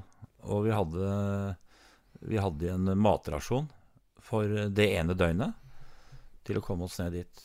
Og inn der, og da blåste det opp til en helvetes storm. Det var faktisk sånn at når vi lå i køya, så så vi at hytteveggene bevegde seg litt fram og tilbake. Men den hytta var bolta fast med vaiere i hvert hjørne utvendig. og, vi skjønner da hvorfor det. Det var ganske sprøtt, altså. Ligge inne i hytta og se at veggene bevegde seg litt fram og tilbake. Og, og det, liksom, det gikk to døgn, tre døgn, og da var jo maten eh, vår ferdig. Og da begynte vi å spise hundematen. Eh, og det begynte jo Bikkjene måtte jo ha mat også, og så begynte det å bli slutt på hundematen også. Men så så vi jo da innimellom snøføykene så så vi at det lå Det lå også ei lita bu nedafor. Men så måtte vi på dass. Og sånn, det hadde gått bra, det. Eh, sånn, det var liksom noen luker innimellom. Uh, men så var det da en av de dagene her så var det ekstremt uh, Stormen var ekstrem, så det var rett og slett ikke mulig å se noe som helst. Ingenting. Og jeg måtte da veldig. Og, og så var det ei fin glippe. Kjempe, liksom, roa seg ned. Nå var det klar bane. Og jeg begynner å gå. Og kommer meg greit bort og setter meg glad og fornøyd eh, der borte. Og så skal jeg tilbake. Og midtveis så kommer det et vindkast eh, som gjør at det er helt umulig å se noen ting, og det holder på. Uh, og da står jeg der, og jeg ser absolutt ingenting. Og det er helt viska ut foran meg. Jeg ser heller ikke ned i sporet. Ingenting. Og da tenker jeg Heldigvis så tenker jeg klart. Så tenker jeg Hvis jeg begynner å gå nå, og bomme på den hytta, da er jeg rett og slett Da er, god, da er jeg ferdig. Da er jeg rett og slett ferdig. Uh, så det gjør jeg Jeg blir Jeg bare huker meg ned. Så tenker jeg må bare Jeg er nødt til å bare bli sittende, sittende her. Uh, til det forhåpentligvis blir ei luke igjen. Og det tar ei stund, altså. Og så letter det. Og så kommer jeg meg tilbake. Da hadde det vært fort gjort, altså. Å bare fortsette å, å gå. Men da kunne jeg greit ha bomma. Hadde jeg bomma da, så hadde jeg gått og virra ute i stormen der lettkledd. Og det Det tror jeg hadde gått gærent. Det er små marginer, ja. Ja, det er små marginer. Det, det er uh... Men, uh, men uh, da kom dere jo til, til Halden. Eh, hva var det liksom, Hvis du ser tilbake på det, hva var det viktigste du lærte av turen? Nei, Det viktigste jeg lærte, det var eh, Det var eh, Det var at naturopplevelser for meg, det er å ikke stresse på tur. Helt klart å ikke stresse på tur. og ha tida til å bruke sanseapparatet. Det gjør jeg, altså, når jeg er ute. Og det har jeg lært eh, døtrene mine. Jeg har to døtre. Du veit hvor bra det er, Randulf, å ha døtre? Ja, ja. Mm. Eh, og det har jeg lært dem fra, fra de var små. Og så bruke sanseapparatet. Og det når jeg er ute, uh, ha tida til å lytte, høre på fuglelyder. Uh, dyrelyder, vind, alt det der. Og jeg går og ser i bakken. Ser etter uh, spor. Dyrespor, møkk osv. Uh, rett og slett ta meg tida. Og så er det jo det å ta meg tida, fyre, fyre bålet. Og, og, så er det alltid sånn, hvis jeg har, har sånn alltid har behov for å tenke litt, ha litt tid, ha litt fred og ro, så drar jeg ut og fyrer bålet. Jeg har løst ganske mye, fått rydda opp ganske mye i, i huet noen ganger, altså, der ute. Og med det huet jeg har, så, så trengs det noen ganger. Mm. Men uh, allerede underveis på turen Norge på langs, så tok jo Lars en avgjørelse om at han ville fortsette med det her. Og sånn som det i hvert fall står i boka om Alaska-kryssinga til Lars, så var det på nyttårsaften eh, da 1989 ble til 1990, under ei furu i Nord-Troms, at han innser at neste prosjekt er å krysse Alaska til fots. Ja. Og så spør han deg om du vil være med. Mm. Ja, det sitter jeg her og Jeg har veldig bra langtidshukommelse. Uh, det som skjedde i går, det husker jeg dårlig. Men det der ser jeg helt tydelig for meg når du sier det. Jeg ser det bildet for meg. Ja. Det er riktig, det. Sitter inntil furu. Vi sitter med bålet og koser oss og drikker kaffe. Og så sitter han og glaner inn i bålet, og så, så sier han det der. Sier Veit du hva, Trond? Jeg har bestemt meg. Er, jeg, skal ikke, jeg skal ikke jobbe som lærer. Jeg syns dette livet her er så Dette er så bra. Dette gir meg så mye. At jeg skal når jeg kommer hjem, så skal jeg begynne å planlegge og, og, og krysse Alaska. Skal du være med, sa han. Og så sa jeg Nei, jeg tror ikke det, Lars. Jeg tror eh, Jeg tror jeg kommer til å slå meg til ro og begynne å jobbe som lærer og være flytte inn sammen med Karin. Jeg tror jeg kommer til å gjøre det. Så får jeg se hva jeg gjør etter det, sa jeg. Men jeg er ikke klar for det med en gang, i hvert fall. sa jeg. Jeg får se etter hvert. Men jeg tror ikke jeg Nei, jeg tror ikke jeg gjør det nå.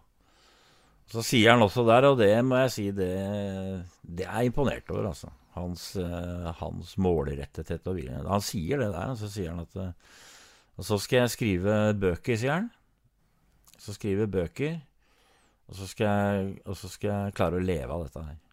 Av uh, av, av villmarka. Og det har han jo klart, får vi si, for å si det pent. Ja, det må være lov å si det.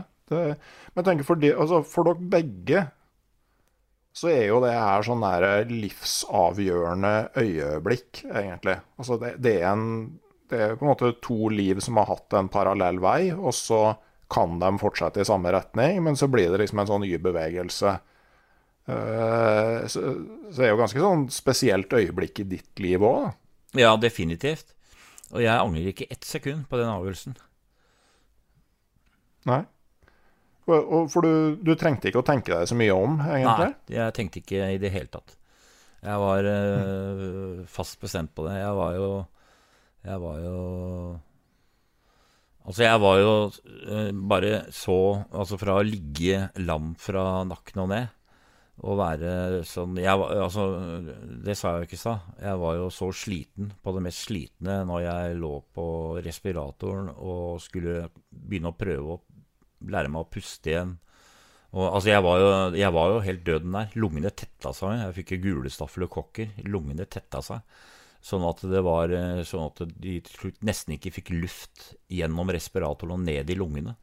Så de måtte jo legge seg og presse på lungene for å få løsna lunger som var tette av, av infeksjon og gørr. Og suge, stikke et sånt uh, rør ned i lungene for å prøve å få sugd ut gørra. Og hvis de ikke fikk gjort det, så var det ikke mulig å få pressa Det var ikke noen lunger å få luft ned i. Da hadde jeg vært ferdig. Og det holdt de på med i nesten et døgn. Uh, og mens de da prøvde å få ut ja, det lille som var igjen av luft i lungene, det måtte de stå og håndpumpe. Som en sånn, altså De kobla til da uh, en håndpumperespirator. Og da fikk jeg masse beroligende. Og jeg, jeg, husker det at det, eh, det var jo forskjellige som var på vakt.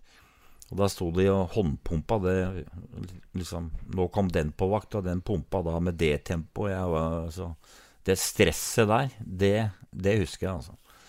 Altså, det, liksom, det lå håndpumpa, og så var det ned med den der støvsugeren. Og så lå de oppå med albuene og pressa på og pressa på.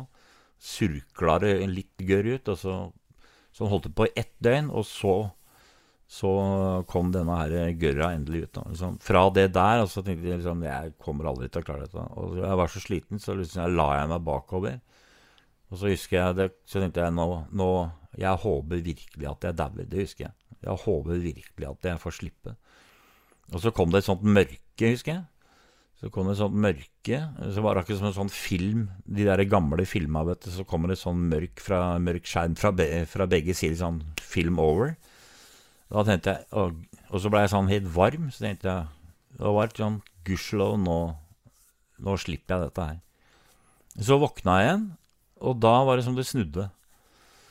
Og så var jeg sånn, da var jeg takknemlig for at jeg Og når jeg da kom meg opp Og så tenkte jeg hvis jeg ikke kommer meg i rullestol, da håper jeg, da håper jeg heller slipper. Hvis jeg kommer i rullestol, tenkte jeg da kan jeg i hvert fall ha et sånn noenlunde liv. Så kom jeg i rullestol, så bla, bla. Liksom når jeg da kom meg og kunne gå Norge på langs til og med.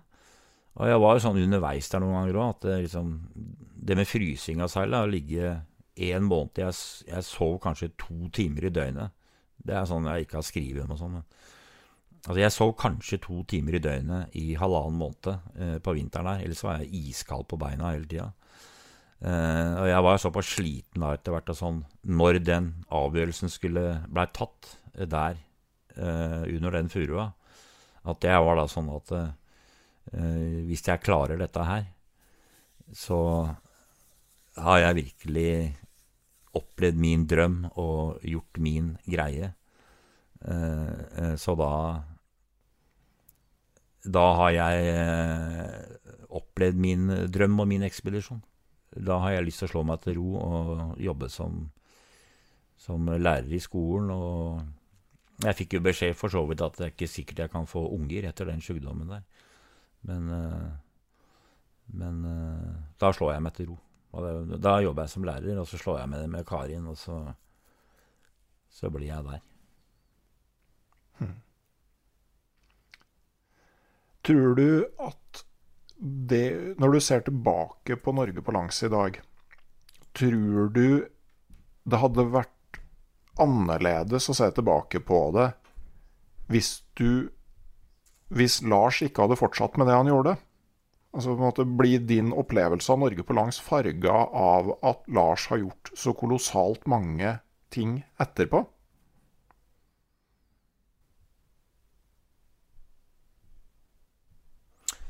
Det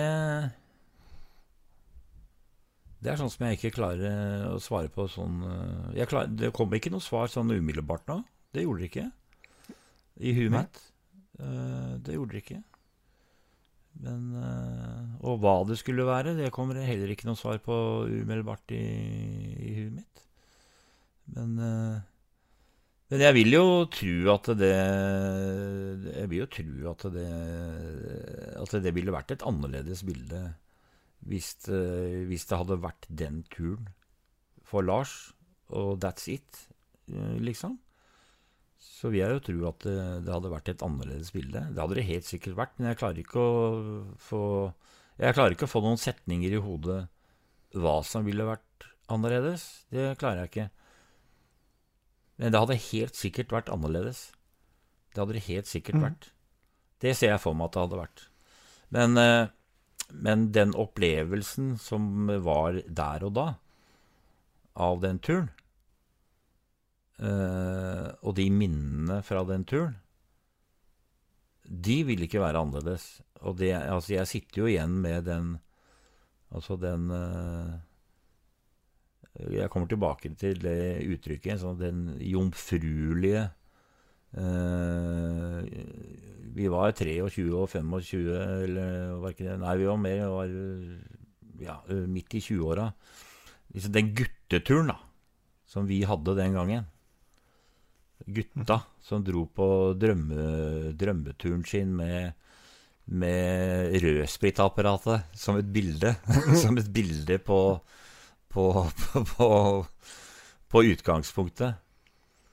Og som, som sto og kikka på, på, stjernehimmelen og sa at uh, det å bruke marka og naturen med enkle midler,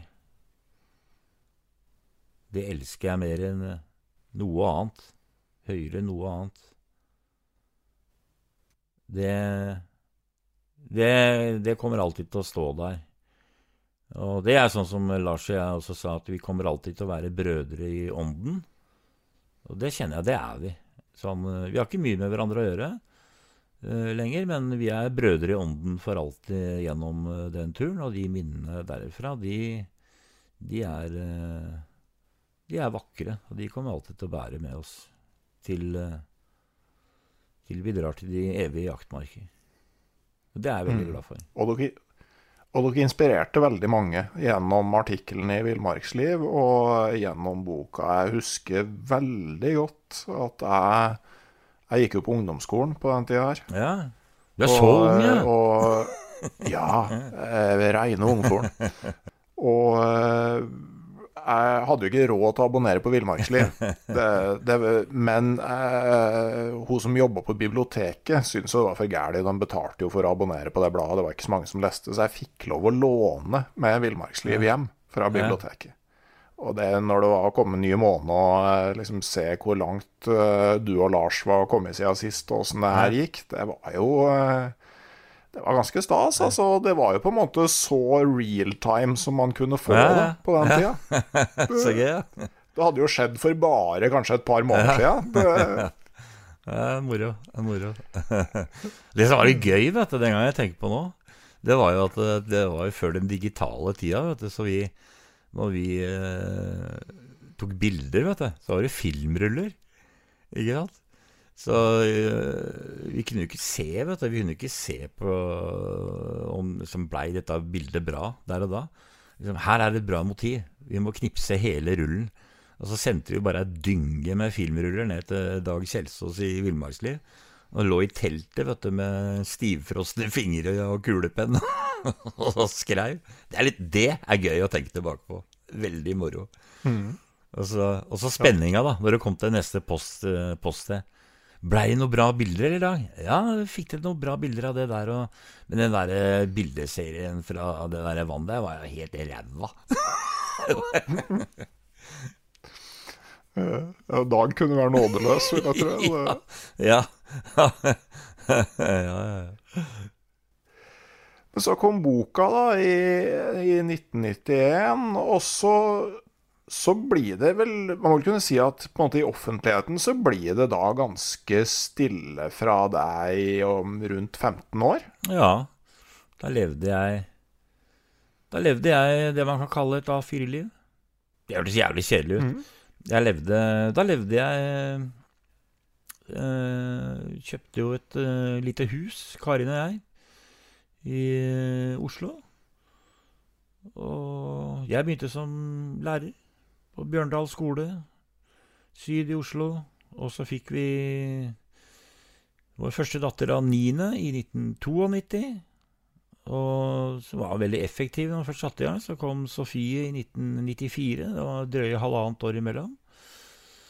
Og da jobba jeg som eh, spesialpedagog eh, og hadde disse to jentene. Og, og det blei mye friluftsliv. Vi var masse ute med disse jentene, var på turer og og jeg hadde en jobb jeg stortrivdes med. Jeg var veldig jeg hadde fine, Det var min plass. Jeg traff riktig, altså. Jobbe som lærer. Jobba mye med, med det man i gamle dager kalte uartige gutter. Eh, ikke helt ulikt meg sjøl som barn. ADHD-gutter osv. Videre. og jeg fikk muligheten Skolen lå jo like ved den, Altså, skauen var bare fem minutter unna. Så jeg hadde med disse ut en del. Men jeg var, sånn, var som poteten. Jeg jobba med de. Jeg var sosiallærer også. Så jeg hadde en jobb jeg trivdes med i alle år. Jobba der i, i 17 år. Og, men var jo masse ute på turer eh, likevel. Og så jeg, hadde jeg mine turer på egen hånd sammen med kamerater eh, innimellom. Eh, det hadde jeg. Og så jobba jeg litt med foredrag ved siden av. Men jeg tenker i den perioden her, da, altså den Norge på langsturen altså Veldig fort så ser jeg for meg at det kjennes litt som et annet liv eh, den, eh, det året på den turen. Men var det på en måte en, en karamell å suge på, eller var det eh, måte noe du kunne ønske deg tilbake til? En karamell å suge på. Ja. Ja.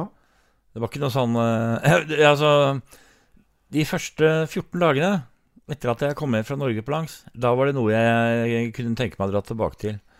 Eh, fordi jeg ikke takla overgangen. Jeg holdt på å bli gæren. Jeg kom tilbake, kom tilbake, kom til Halden. Og så møtte jeg jo Karin igjen, da, som da hadde venta på meg. Og så Hun hadde en leilighet eh, toroms leilighet. Og så flytta jeg jo inn der. Og holdt på å tørne. Da var det opp om morgenen og skulle rekke bussen. Skulle et eller annet på bussen. Jeg var så stressa at jeg holdt på å få noia. Jeg var vant til bålet og frokoster i tre-fire timer før jeg begynte å se på kartet. Eh, og, og Lars og jeg sa kanskje fire setninger på, på fire timer. Og, og, Karin hadde jo ikke noe gærent om uh, hun, men hun snakka som folk flest, liksom. Hun hadde jo sagt 700 setninger på fire timer, ikke sant? Og bråk fra trikk og buss Nei, jeg holdt på, jeg holdt på å bryte sammen, rett og slett. Og når det hadde gått ei uke, så tenkte jeg dette fikser jeg ikke. Jeg, dette, jeg fikk ikke sove om natta. Jeg, og jeg begynte å bli så irritert at jeg, altså jeg var irritabel, og jeg begynte å komme med frekke tilbakemeldinger Eh, og blei eh, ordentlig lite ålreit å være sammen med, rett og slett. Og det ligner ikke meg. altså Jeg pleier å være en relativt omgjengelig fyr å være sammen med. Eh, og så tenkte jeg eh, Nei, jeg, jeg tror jeg må gå Jeg tror jeg må gå andre veien. Tilbake igjen. jeg tror ikke jeg klarer dette her. Ja, det var helt seriøst. Jeg begynte å lengte tilbake igjen til å være der ute. Det, det, det har, dette har gått helt gærent. Rett og slett. Da, jeg, da, tenkte jeg nei. Så gikk det 14 dager, da, så tenkte jeg nei, kanskje det er håp kanskje det er håp allikevel. da. Så måtte jeg snakke med Karin om det og si at jeg beklager oppførselen, min. Jeg, jeg, ser at jeg oppfører meg rart. Så måtte jeg fortelle hvorfor, da. At det føltes bla, bla, bla. Du må gi meg litt tid. Jeg må få lov å Du må la meg få være i fred litt om morgenen og, og sånn, da. Og så gikk det seg langsomt til. da. Men da lengta jeg virkelig tilbake, altså. Og så sa jeg du, jeg må få lov å Det er ikke noe sånt til deg, men du må la meg få lov å få dra noen turer aleine ute i skauen og sånt. Og, nå til å begynne med. Jeg, jeg, kan ikke, jeg, kan ikke, ha med deg heller ute i skauen. Jeg, hadde jo blitt sær, da. Skikkelig sær. Men så gikk det seg til, da. Men sånn eh, utover det så har jeg ikke Så har det ikke vært sånn at jeg har At jeg har uh, drømt om å gå Norge på langs igjen. Men, men, jeg har hatt mange ganger lyst til å dra på Altså mens jeg hadde Så jeg har hatt lyst til å dra på Ja, hele tida så har jeg lyst til å dra på turer. Og jeg har hatt sånn når jeg hadde disse småjentene Jeg var jo veldig mye uh, Selvfølgelig med unge. Jeg var lærer, ikke sant. Hadde mye fri. Var masse sammen med jentene. og og arbeidende altså, Karin var jo flyvertinne og reiste veldig mye. Så jeg kunne godt tenkt meg Jeg hadde lyst til å dra på mye turer.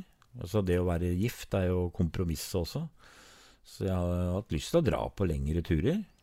Ikke Norge på langs et år. Jeg har hatt lyst til å liksom ta Dra på kanskje to måneder i Børgefjell. To måneders vandring Norge på tvers og sånn kunne jeg liksom tenkt meg. sånne ting da men ikke sånn Men også har jeg vært i Alaska og Canada. Det har også alltid vært en drøm for meg, og det har jeg fått oppleve. Så jeg, så jeg sitter som sånn 60-åring om fire måneder. Jeg er ganske fornøyd med Jeg har fått oppleve sånn som jeg sa mm, sånn da jeg sto i Børgefjell nesten et år etter at jeg var, ble lam fra nakken og ned, så bestemte jeg meg for å At nå bestemmer jeg og hva jeg vil bruke livet mitt til, så sant jeg ikke skader andre med valgene jeg tar. Så jeg er ganske fornøyd med det jeg har, med det jeg har fått gjort, altså. Jeg er det. Og nå er mm. jeg Ja, jeg er det. Ja. Og så sånn som jeg kjenner deg, Trond, så er jo kanskje det en av de virkelig sterke sidene du har, at du, er, du virker som du er ganske god til å være fornøyd. Ja, det, det var eh, Det var jo jeg bestemte meg også for det eh, når jeg kom meg på beina etter den sykdommen, at eh, du har jo to valg her, da. Og det er også I og med at jeg fikk jo restskader Jeg var en god langrennsløper, det kunne jeg aldri bli igjen.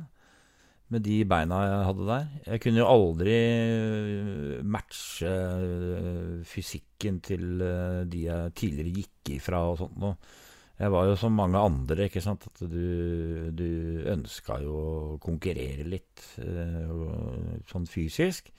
Og det, det, nivået ville jeg aldri kunne, kunne, nå igjen. Og jeg hadde sånn finmotorikken i hendene skada, blant annet. Så jeg hadde trøbbel med, litt trøbbel med sånn å binde på, på fiskekrok. Jeg mista litt ting og sånn. Ble litt sånn klønete og sånn, da.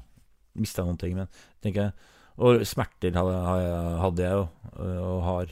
Jeg har jo en del ting. Så jeg Eh, liksom, skal du bruke tida på å fokusere på det du har mista, eller skal du være tilfreds med det du har og kan gjøre? Og det, det har ikke vært vanskelig for meg altså, å fokusere på det jeg, det jeg fikk. Herregud, tenk deg hva jeg kunne ha vært da, etter den tenk deg, altså jeg sitter her, jeg er så takknemlig for det livet jeg har eh, fått leve etter å ha ligget lam ifra nakken, og det kobla til respirator. Og så har jeg kunnet gå Norge på langs, vært i Alaska, jeg har blitt far til to barn. Levd et yrkesaktivt liv. Fram til nå som jeg nettopp har blitt uføretrygda, men det, det er som 60-åring, liksom. Og allikevel så kan jeg drive et aktivt liv og, og ha det bra. Så. Men jeg, har, jeg er født med godt humør. Ja. Og da er det seinvirkningene etter sykdommen som gjør at du er uføretrygda nå? Ja, det viser seg jo det. At det kommer flere tiår etterpå, så kommer eh, senskader av de nervebanene som ble skada den gangen. De, de, flere tiår etterpå så kommer, så kommer slitasjer og, og skader eh, tilbake og, og lager kødd, da. Så jeg går jo i dag med, med skinner, ortoser på, på, beina fra knærne og ned, og støtter på hendene og har nervesmerter og sånn i kroppen. Men, men, det er så mye bra hjelpemidler i dag, så jeg har fått verdens beste ortose på beina med sånne Blade Runnere under, under føttene. Med, jeg har bedt om mest mulig spenst, så nå spretter jeg rundt i terrenget. Så du tuller da, vet du, og sier at når du går, går ut i terrenget Hvis du hører en sånn der bang, bang, sånn uh, lyd nå, så er det Strømdal som er ute og, ute og går. Og så, ja. Ja, så da blir det sånn der ja, Ivo Caprino-byks uh, forbi oppover lia? Definitivt. Det er mye oppe i Alvdal, altså. Veldig mye der. Eh, men så vidt jeg forsto, så, så er det vel òg kommet fram at de fordi seinvirkningene så Altså, fysisk aktivitet er ikke nødvendigvis uh, noe bra. Ja, det man, det man, jo har kommet fram til i dag, det er jo at Den gangen jeg fikk det, så visste man jo veldig lite om det der. Uh, I dag så får man også uh, behandling med blodplasma og andre ting, så man ikke får så store Så man kan unngå disse senskadene. Men det man du, du skal ikke ikke, ikke ta i hardt fysisk i en fase etterpå. Eh, eh, I hvert fall et par år eh, i rehabiliteringsfasen. Og det å gå Norge på langs rett etterpå er kanskje å ta i litt. Så det var stikk Det var ganske stikk motsatt, kan du si.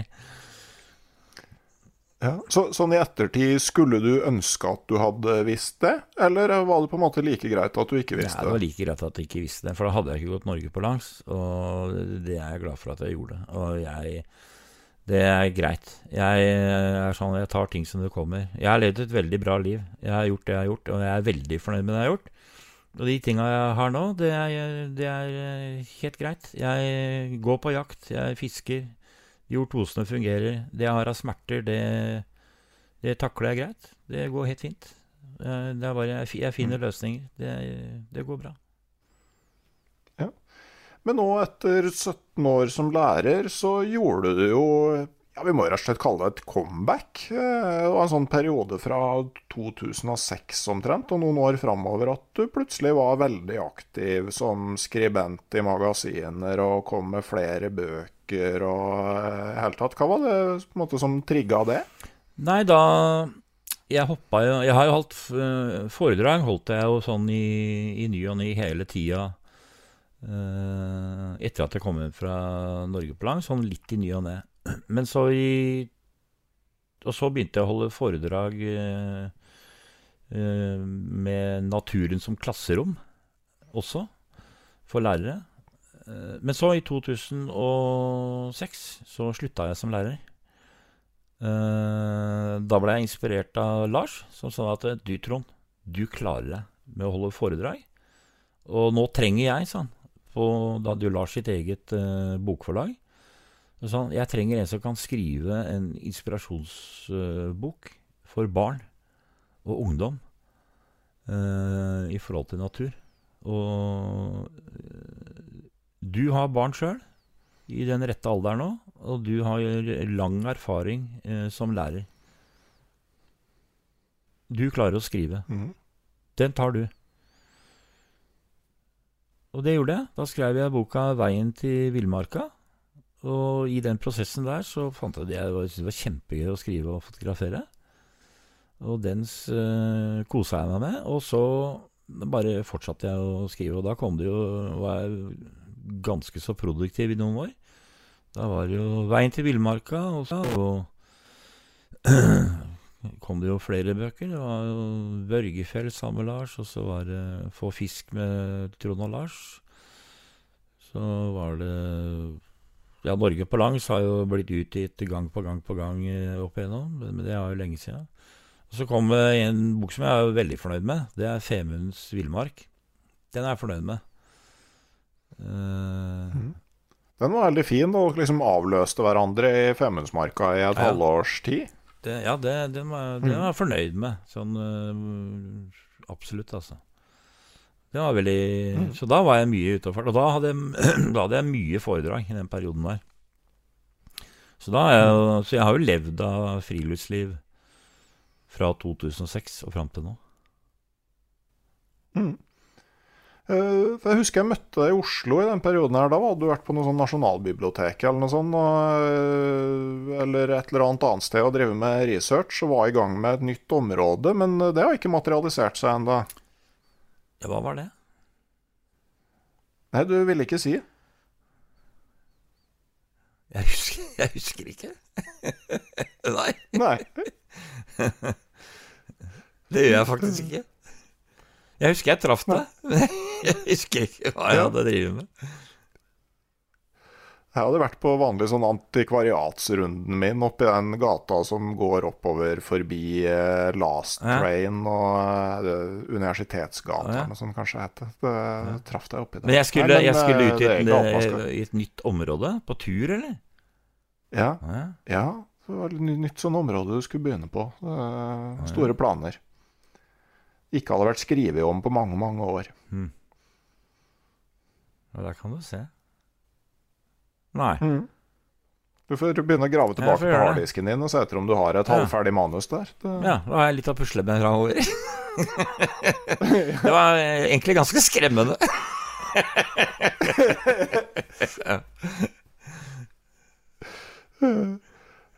Men uh, også var du jo involvert i eh, mm, som, som villmarksekspert i eh, Monsen på villspor. det, var, altså, det, var, det, var, det var det det var, vet du.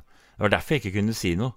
Det var derfor jeg ikke kunne si noe. Aha. Det var eh, Jeg skulle gjøre research til, eh, til et uh, område jeg skulle gjøre Lage et opplegg på for, på villspor. Det må det ha vært. Ok, altså derfor Ja. du kamuflerte det litt grann Ja, som bok, det- ikke det- sant? det må det ha vært. Fordi jeg, jeg var ute Det var jeg som fant alle disse områdene som Lars skulle eh, ut på, eh, på villspor. Så var jobben min å, å finne områdene, og så dro jeg eh, til disse områdene. Og jeg la disse løypene, og jeg la ut disse utfordringene underveis. Og da var det jo hemmelighetskremmeri. Ja. Ja, det er klart. Ja, så, så det som er bra her, er jo da at du, du er ikke så eh, glemsk som vi kunne tro. Det som ikke er bra, er at det ligger jo ikke et nesten ferdig bokmanus og venter på PC-en din. Nei, ikke det i hvert fall. Men jeg har faktisk Vi, vi drev og snakka om noen bøker her om dagen, eh, du og jeg. Du har jo noen bøker i magen, eh, du. Og eh, jeg, jeg har faktisk ei bok i magen, ja. Men det kan vi ta seinere en gang. Ja. Ja, det gleder vi oss til, til Trond. Men, men da du ble kobla inn i det med, med Monsen på villspor altså Jeg ser for meg at noe av grunnen er at du har ganske bra oversikt over hvor Lars har vært, sånn at det går an å sende han til plasser han ikke har vært før. Ja, ja. Mm. Ja. Sånn at eh, Litt sånn type at du havner i eh, I eh, ja, Marius Nergård Pettersen, eh, Lomsdalen Visten nasjonalpark i stedet for i Børgefjell. Bare flytte den til andre sida Ja, av E6-en, ja. så, så er du plutselig Ja, eh, det var det. elegant. Eh, Men det har vært et artig prosjekt ja du, da, det jobbe var, på. det var jo drømmejobben, vet du. Ja, det var så gøy. Husker jeg ble ringt opp av Håvard Jensen. Da bodde jeg Da, da bodde jeg i hytte ute i skauen i Aurskog Høland. Eh, eh, øst for eh, Oslo, helt inn til svenskegrensa. Dønn aleine nede ved en innsjø. Det var ikke et menneske rundt der. ikke sant? Så Folk lurte på hva som hadde skjedd med Strømdal. Jeg ble jo skilt i 2003, og døtrene mine hadde blitt uh, voksne. Så jeg flytta ut av Oslo i 2009, solgte leiligheten min og, og sånn. Så der, der bodde jeg når jeg skrev bøker og sånn. Eh, og så ble jeg ringt opp av Håvard Jensen da, og kobla og lurte på om jeg kunne var interessert i å jobbe og bla, bla, bla. Så det var en drømmejobb. Reiste av gårde og Mm. fant disse stedene og gikk denne løypa og fant poster og hvordan jeg skulle lure Lars og sånn. da. Og jobba sammen med det NRK-teamet. De var suverene folk. Anne Rimmen, vet du, var en strålende dame. altså, så... Så uhøytidelig og fin, vet du. Når du ser henne på TV-en, så tenker du kanskje at eh, eh, sånn, Hun kan jo ikke være ute i felten og ligge med, våkne med lurvete hår og la seg filme. Men det var kjempedame, det, altså. Mm. Yep. Uh, men uh, nå, da? Da, er- da er, jo, um, er jo liksom Nå er det friluftsliv for moro skyld. Det, det er ikke som yrkesvei lenger. Nei, jeg har noen eh, Jeg har jo Jeg har noen foredrag i ny og ne. Og så har jeg noen eh, som jeg kaller opplevelsesturer. Det har jeg. Så mm. jeg har eh, Skal ha et par stykker til, til høsten. Skal ha booka inn en fire opplevelsesturer. Men da er jeg liksom Jeg liker å ha Da har jeg gruppe på ti, maks tolv stykker. Så legger vi ut på en fire, fire dagers tur. Det er begrensa hvor langt jeg kan gå nå. Men eh, da har vi en kombinasjon. Vi padler litt, og så går vi opp i fjellet, fram til vann, og, og så har vi litt eh, feltkunnskap. Fiske, og så er det fokus på det å være ute og og kose seg og lære seg det vi, du og jeg har snakka om. Gleden av å være ute. Mm. Det å skru fokuset på, på å bruke sansene. Og ikke jage, men det å mm, sette pris på det å være der ute og fiske og tilberede mat. Eh, og en del sånne triks da, for å ha det bra, bra der ute. Og det har jeg hatt, det har jeg hatt i seks-syv år nå. Og det, og det er flere av de som, eh, som Og jeg bytter litt områder, da. Og flere av de, de melder seg på øh, flere ganger. Eller blir med på turer. Så det er flere av de har blitt sånn å regne som venner, faktisk. Det er veldig koselig. Mhm. Og legger meg på et sånt greit prisnivå, liksom. Sånn at jeg, jeg har sånn så jeg er fornøyd. Og så er det sånn at eh, det er greit for de å være med, liksom. Så det, er, det koser jeg meg med. Men uh, du brakte jo sjøl på bane at uh, du er inne i ditt 60. år. Uh, nærmer seg eh, stort jubileum, og jeg tenker Det er jo eh, kanskje et tidspunkt for å ta et lite sånn tilbakeblikk. Eh, for fra du eh, som fire-femåring uh, tassa rundt eh, med far din på tur i, i Nordmarka, hva er det du tenker har endra seg mest med friluftslivet på den tida? Nei, det er jo Det er utstyret. Definitivt. Det er jo Og så er det jo øh, antall mennesker til de grader som er ute i, ute i felten. Eh, men så er det også Det er mange flere som driver Ja, med det er jo friluftsliv grader mange flere som driver med friluftsliv, og det syns jeg er positivt. Det er jo kjempefint.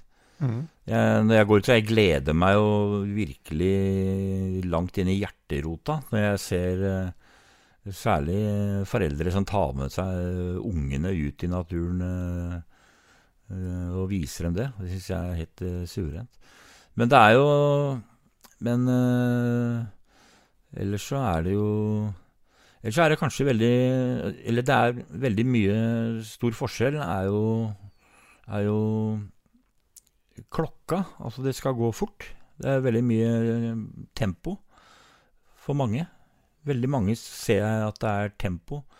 Ser på klokke, pulstellere. Eh, skal gå fort fra sted til sted. Eh, forflytning over, over store distanser. Ja, særlig de tingene der, kanskje. For Det er blitt, blitt mer prestasjonsorientert. Ja, definitivt mer prestasjonsorientert. Det, er, eh, det jeg opplevde med fattern og bestefaren min, var definitivt fokus å være ute. ikke nødvendigvis å gå så langt. Det var å komme seg ut til en plass. Det var Si det sånn punktvis. Det var komme seg ut til en god plass. Uh, og det skulle være vekk fra, fra bebyggelsen, uh, bebyggelsen, altså. Og Og så var det å finne god leirplass. Og det Så var det å ha tida der til å nyte det som var rundt. Ha det bra. Og så var det også kunne gjerne gå turer da ut ifra den uh, basecampen, da, kan du kalle det. Uh, og så var det samværet. Godt samvære med dem man var sammen med. Og gjerne ha med seg Den bar gjerne litt uh, tung sekk, altså, for å ha med seg litt godt å spise og, og, drikke. Gjorde gjerne det. Mm. Mm. Men det var ikke noe snakk om å, å liksom Altså gå fort, husker jeg. Jeg husker farfaren min han loff og loffa av gårde og stopp, stoppa mye og kikka husker jeg, opp i, opp i fura. Så han liksom, ser du den, den fura der, Trond? Kan du, se, kan du se noe i toppen av den fura der som er annerledes enn i den furua ved siden av der, Trond? Jeg kikka, vet du. Ja, den, den derre furua der, den er jo Den er jo nesten ikke noen sånne furunåler igjen i toppen på. Ja. Det er sånn som vi kaller beitefuru. Det skjønner du. For det er, det er den tiuren den har ha valgt den furua der, å spire, spise furunålen i. Så der, der har den spist furunåler. Men ikke den ved siden av der. Å ja. Sånne ting. Mm. Syns du det blir litt for lite av det i dag? Jeg ser jo ja, det, sånn, eh, Når du sier det, så har jeg et par artige eksempler sånn kort. da. Jeg hadde noen kolleger på, på Bjørndal skole som jeg jobba på. Og jeg, jeg tok initiativ til å ta med meg noen av En av de skolene var ganske mange menn, faktisk. Så vi var ei gruppe karer som dro ut noen ganger på tur. da. Og vi tassa innover på ei sti fram til et vann. da. Og gikk av gårde. Uh, apropos sånn å være oppmerksom, da. Så var det et par av de gutta som skulle vise seg litt, da, og dura av gårde, ikke sant. Og, og jeg tusler av gårde sånn relativt rolig, og har da uh, sanseapparatet i gang, og, og, da går du sånn automatisk og kikker rundt og sånt noe. Og jeg jeg uh, hadde sett en hoggorm, og jeg så en elg ute høyre og sånt noe. Og så sa jeg så dere, så dere den elgen altså, utpå der? Og så, liksom, så dere det og det og sånn? Nei, hadde ikke sett noen ting. Og det, det, er sånn som jeg tror Jeg tror det er veldig mange i dag som bare durer av gårde. Og ikke får med seg noe av det som, som er rundt. Og jeg ser jo mange som, eh, altså, som, som kommer i full rulle og ikke ha fokus på det i det hele tatt. Men, men, så kan du stille spørsmålet, da. Altså, er det for mye av det i dag? Uh, så tenker jeg sånn altså, Det er jo det er to forskjellige måter da, å være ute på. Så, jeg skal ikke sitte her som dommer og si at det, det, ene er noe bedre enn det andre. Det blir litt sånn Jeg kjenner jo sånn Skal ikke være en sånn gammel gubbe som sier sånn Alt var så mye bedre under krigen, liksom. For det var det jo ikke. det, men det, det, det, er liksom litt sånn, så sier jeg så ja, Den jævla dataalderen, liksom. Så sitter jo alle foran PC-en og sånt. Det må bli litt sånn ja takk, begge deler, altså. Jeg har jo unger. Mm. Og de jentene dine på sju og ni, var det ikke det? Fem og ni? Ja, fem og ni. Så du kan ikke si til dem mm. at det, Datajenter, de kan ikke sitte inne på data. Det er ikke bra. Dere må være ute, ute bare, fordi det er det som er sunt. Må bli kvitt den datagreia. Da er du ikke poppy som Da er det vanskelig å få et bra forhold til døtrene sine. Det må bli ja takk, begge deler. Ja da, det handler jo om å ha en viss sånn kontroll på, på det man uh, driver med. Uh, men eh, sånn av, av utstyr, da. Hva, eh, hvis du kunne tatt én ting av det du har i dag, og fått med deg på Norge på langsturen, hva skulle det vært? Primus. ok, jeg tenkte på det, det, var jo veldig åpenbart. da, det, Men det er definitivt det, altså. ja. ja. Og så kanskje den lette hodelykta som nesten ikke bruker batteri. Ja, det er helt to. Hadde vi det? Jo, vi hadde hodelykt. Ja. Men, det ja, men det er skikkelig hodelykt, Ja. Definitivt, altså. ja, Ja, som ikke veier noen ting, men gir masse lys. ja Det er en revolusjon. definitivt. Det er primus og en skikkelig hodelykt. For ellers så var, var det bra. Teltet var bra. Uh, så vi hadde jo Tyen Elite sovepose på vinteren. Den dugde, den, Mm. altså. Selv om beina mine var iskalde hele tida, men det er ikke soveposen, sitt feil. men ellers så var skia Hadde Åsnes, husker jeg. Sånne glassfiberturski. Støvla ja, det- Utstyr, bekledning og sånn bra. Fjellpulken og Det var bra. Det var den jævla Det var det at vi brukte de 600 kronene til noe annet. Ja. Mm. Nei, sånn kan det være.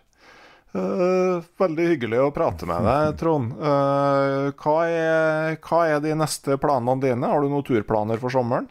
Ja, jeg, jo- jeg har jo tenkt å ta meg en tur i Børgefjell, faktisk. Sammen med kjæresten min. Mm.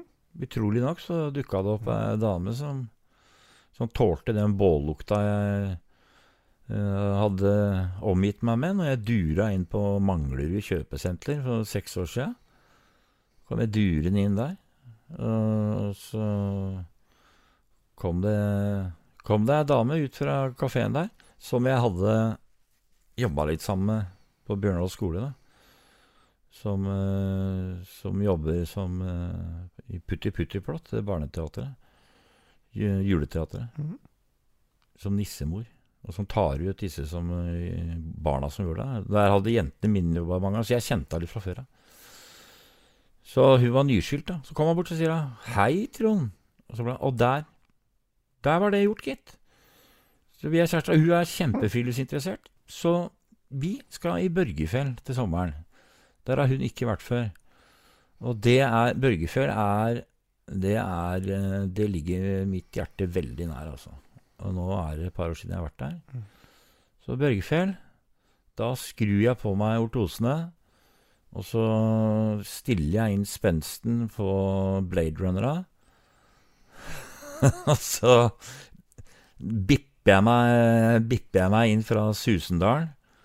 Der er det veldig den, Der er jo jævlig kronglete hvis du ikke finner den ene uh, ATV-veien som går inn fra Susendal.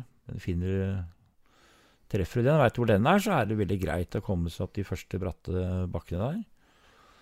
Eh, og da er det midt i smøret, altså, oppe ved Båtkjønna.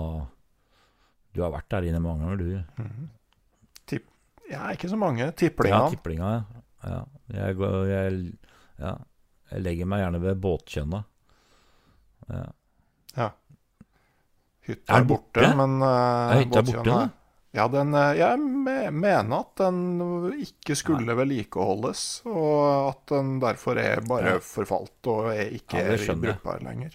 Jeg har òg tenkt meg til Børgefjell Ja, i sommer. Jeg har tenkt å ta med alle de Nei. tre jentene. Og eh, den begynner å bli sånn at vi kan gå gøy, ja. et stykke.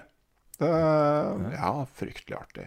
Få Ja. en ukestur. Og tenkte kanskje å gå fra, litt fra Susendalssida, og så kanskje over til Da må vi SMS-e, da, når vi drar igjen. Ja, det var bra vi ikke dømte den moderne kommunikasjonen altfor nord og ned i den avslutningssekvensen er her da, sånn ja. i stad. At vi sa ja, Ja. takk Ja, begge er deler. Så da Ja, ja. ja nei, det må Ja. være det, vet du. Ja, da, det må vi gjøre. Så kanskje vi Ja. er der samtidig, så kunne vi delt et uh, bål, i hvert fall. Og det må jo være egentlig den aller beste måten å avslutte en sånn podkast på, med en uh, mulighet Ja. for et delt bål Ja, en gang syns i jeg er framtida. en eh, suveren gnist på slutten her. Ja. Tusen takk for at du var med, Trond. Ja, Veldig koselig å snakke med deg, Randulf. Tusen takk til alle som følger podkasten også, eh, som eh, følger den på sosiale medier, og deler episodene med både på Både på data og i eh, det virkelige liv. Det setter jeg stor pris på. Og en ekstra takk som vanlig til de som støtter podkasten via den frivillige abonnementstjenesten Patrion. Patrion.com. Søk opp eh, podkasten Uteliv hvis du har lyst til å være med i det digitale turlaget og få litt ekstra stoff og mulighet til å stille spørsmål til eh, intervjuobjektene.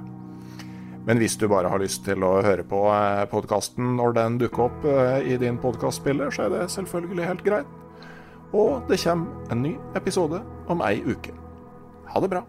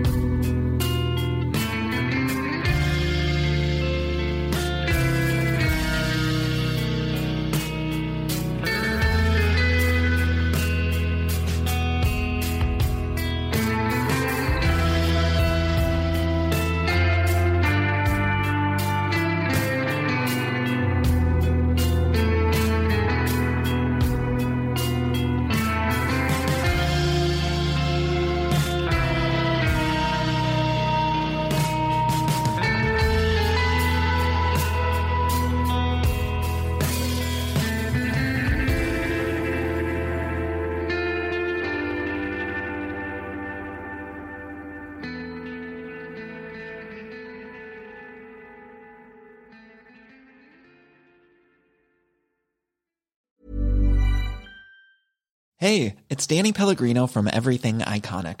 Ready to upgrade your style game without blowing your budget? Check out Quince. They've got all the good stuff shirts and polos, activewear, and fine leather goods, all at 50 to 80% less than other high end brands. And the best part? They're all about safe, ethical, and responsible manufacturing. Get that luxury vibe without the luxury price tag. Hit up quince.com slash upgrade for free shipping and 365 day returns on your next order. That's quince.com slash upgrade. Hi, I'm Daniel, founder of Pretty Litter. Cats and cat owners deserve better than any old fashioned litter. That's why I teamed up with scientists and veterinarians to create Pretty Litter. Its innovative crystal formula has superior odor control and weighs up to 80% less than clay litter. Pretty Litter even monitors health by changing colors to help detect early signs of potential illness. It's the world's smartest kitty litter. Go to prettylitter.com and use code ACAST for 20% off your first order and a free cat toy. Terms and conditions apply. See site for details. Ever catch yourself eating the same flavorless dinner three days in a row? Dreaming of something better? Well, HelloFresh is your guilt free dream come true, baby. It's me, Kiki Palmer. Let's wake up those taste buds with hot, juicy pecan crusted chicken or garlic butter shrimp scampi. Mm. Hello Fresh. Stop dreaming of all the delicious possibilities and dig in at HelloFresh.com. Let's get this dinner party started.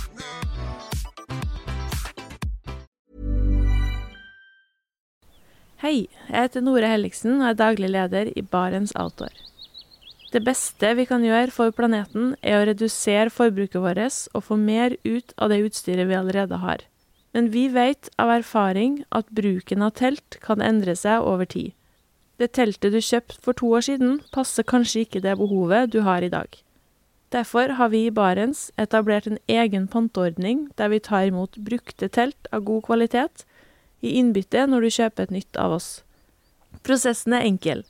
På barentsoutdoor.no gir det oss informasjon om teltet du vil bytte inn. Basert på det får du et tilbud fra oss som gir deg rabatt på ditt neste Barents-produkt. Mer info og betingelser finner du på barentsoutdoor.no. Og husk at den første reparasjonen på produkter fra Barents er alltid gratis.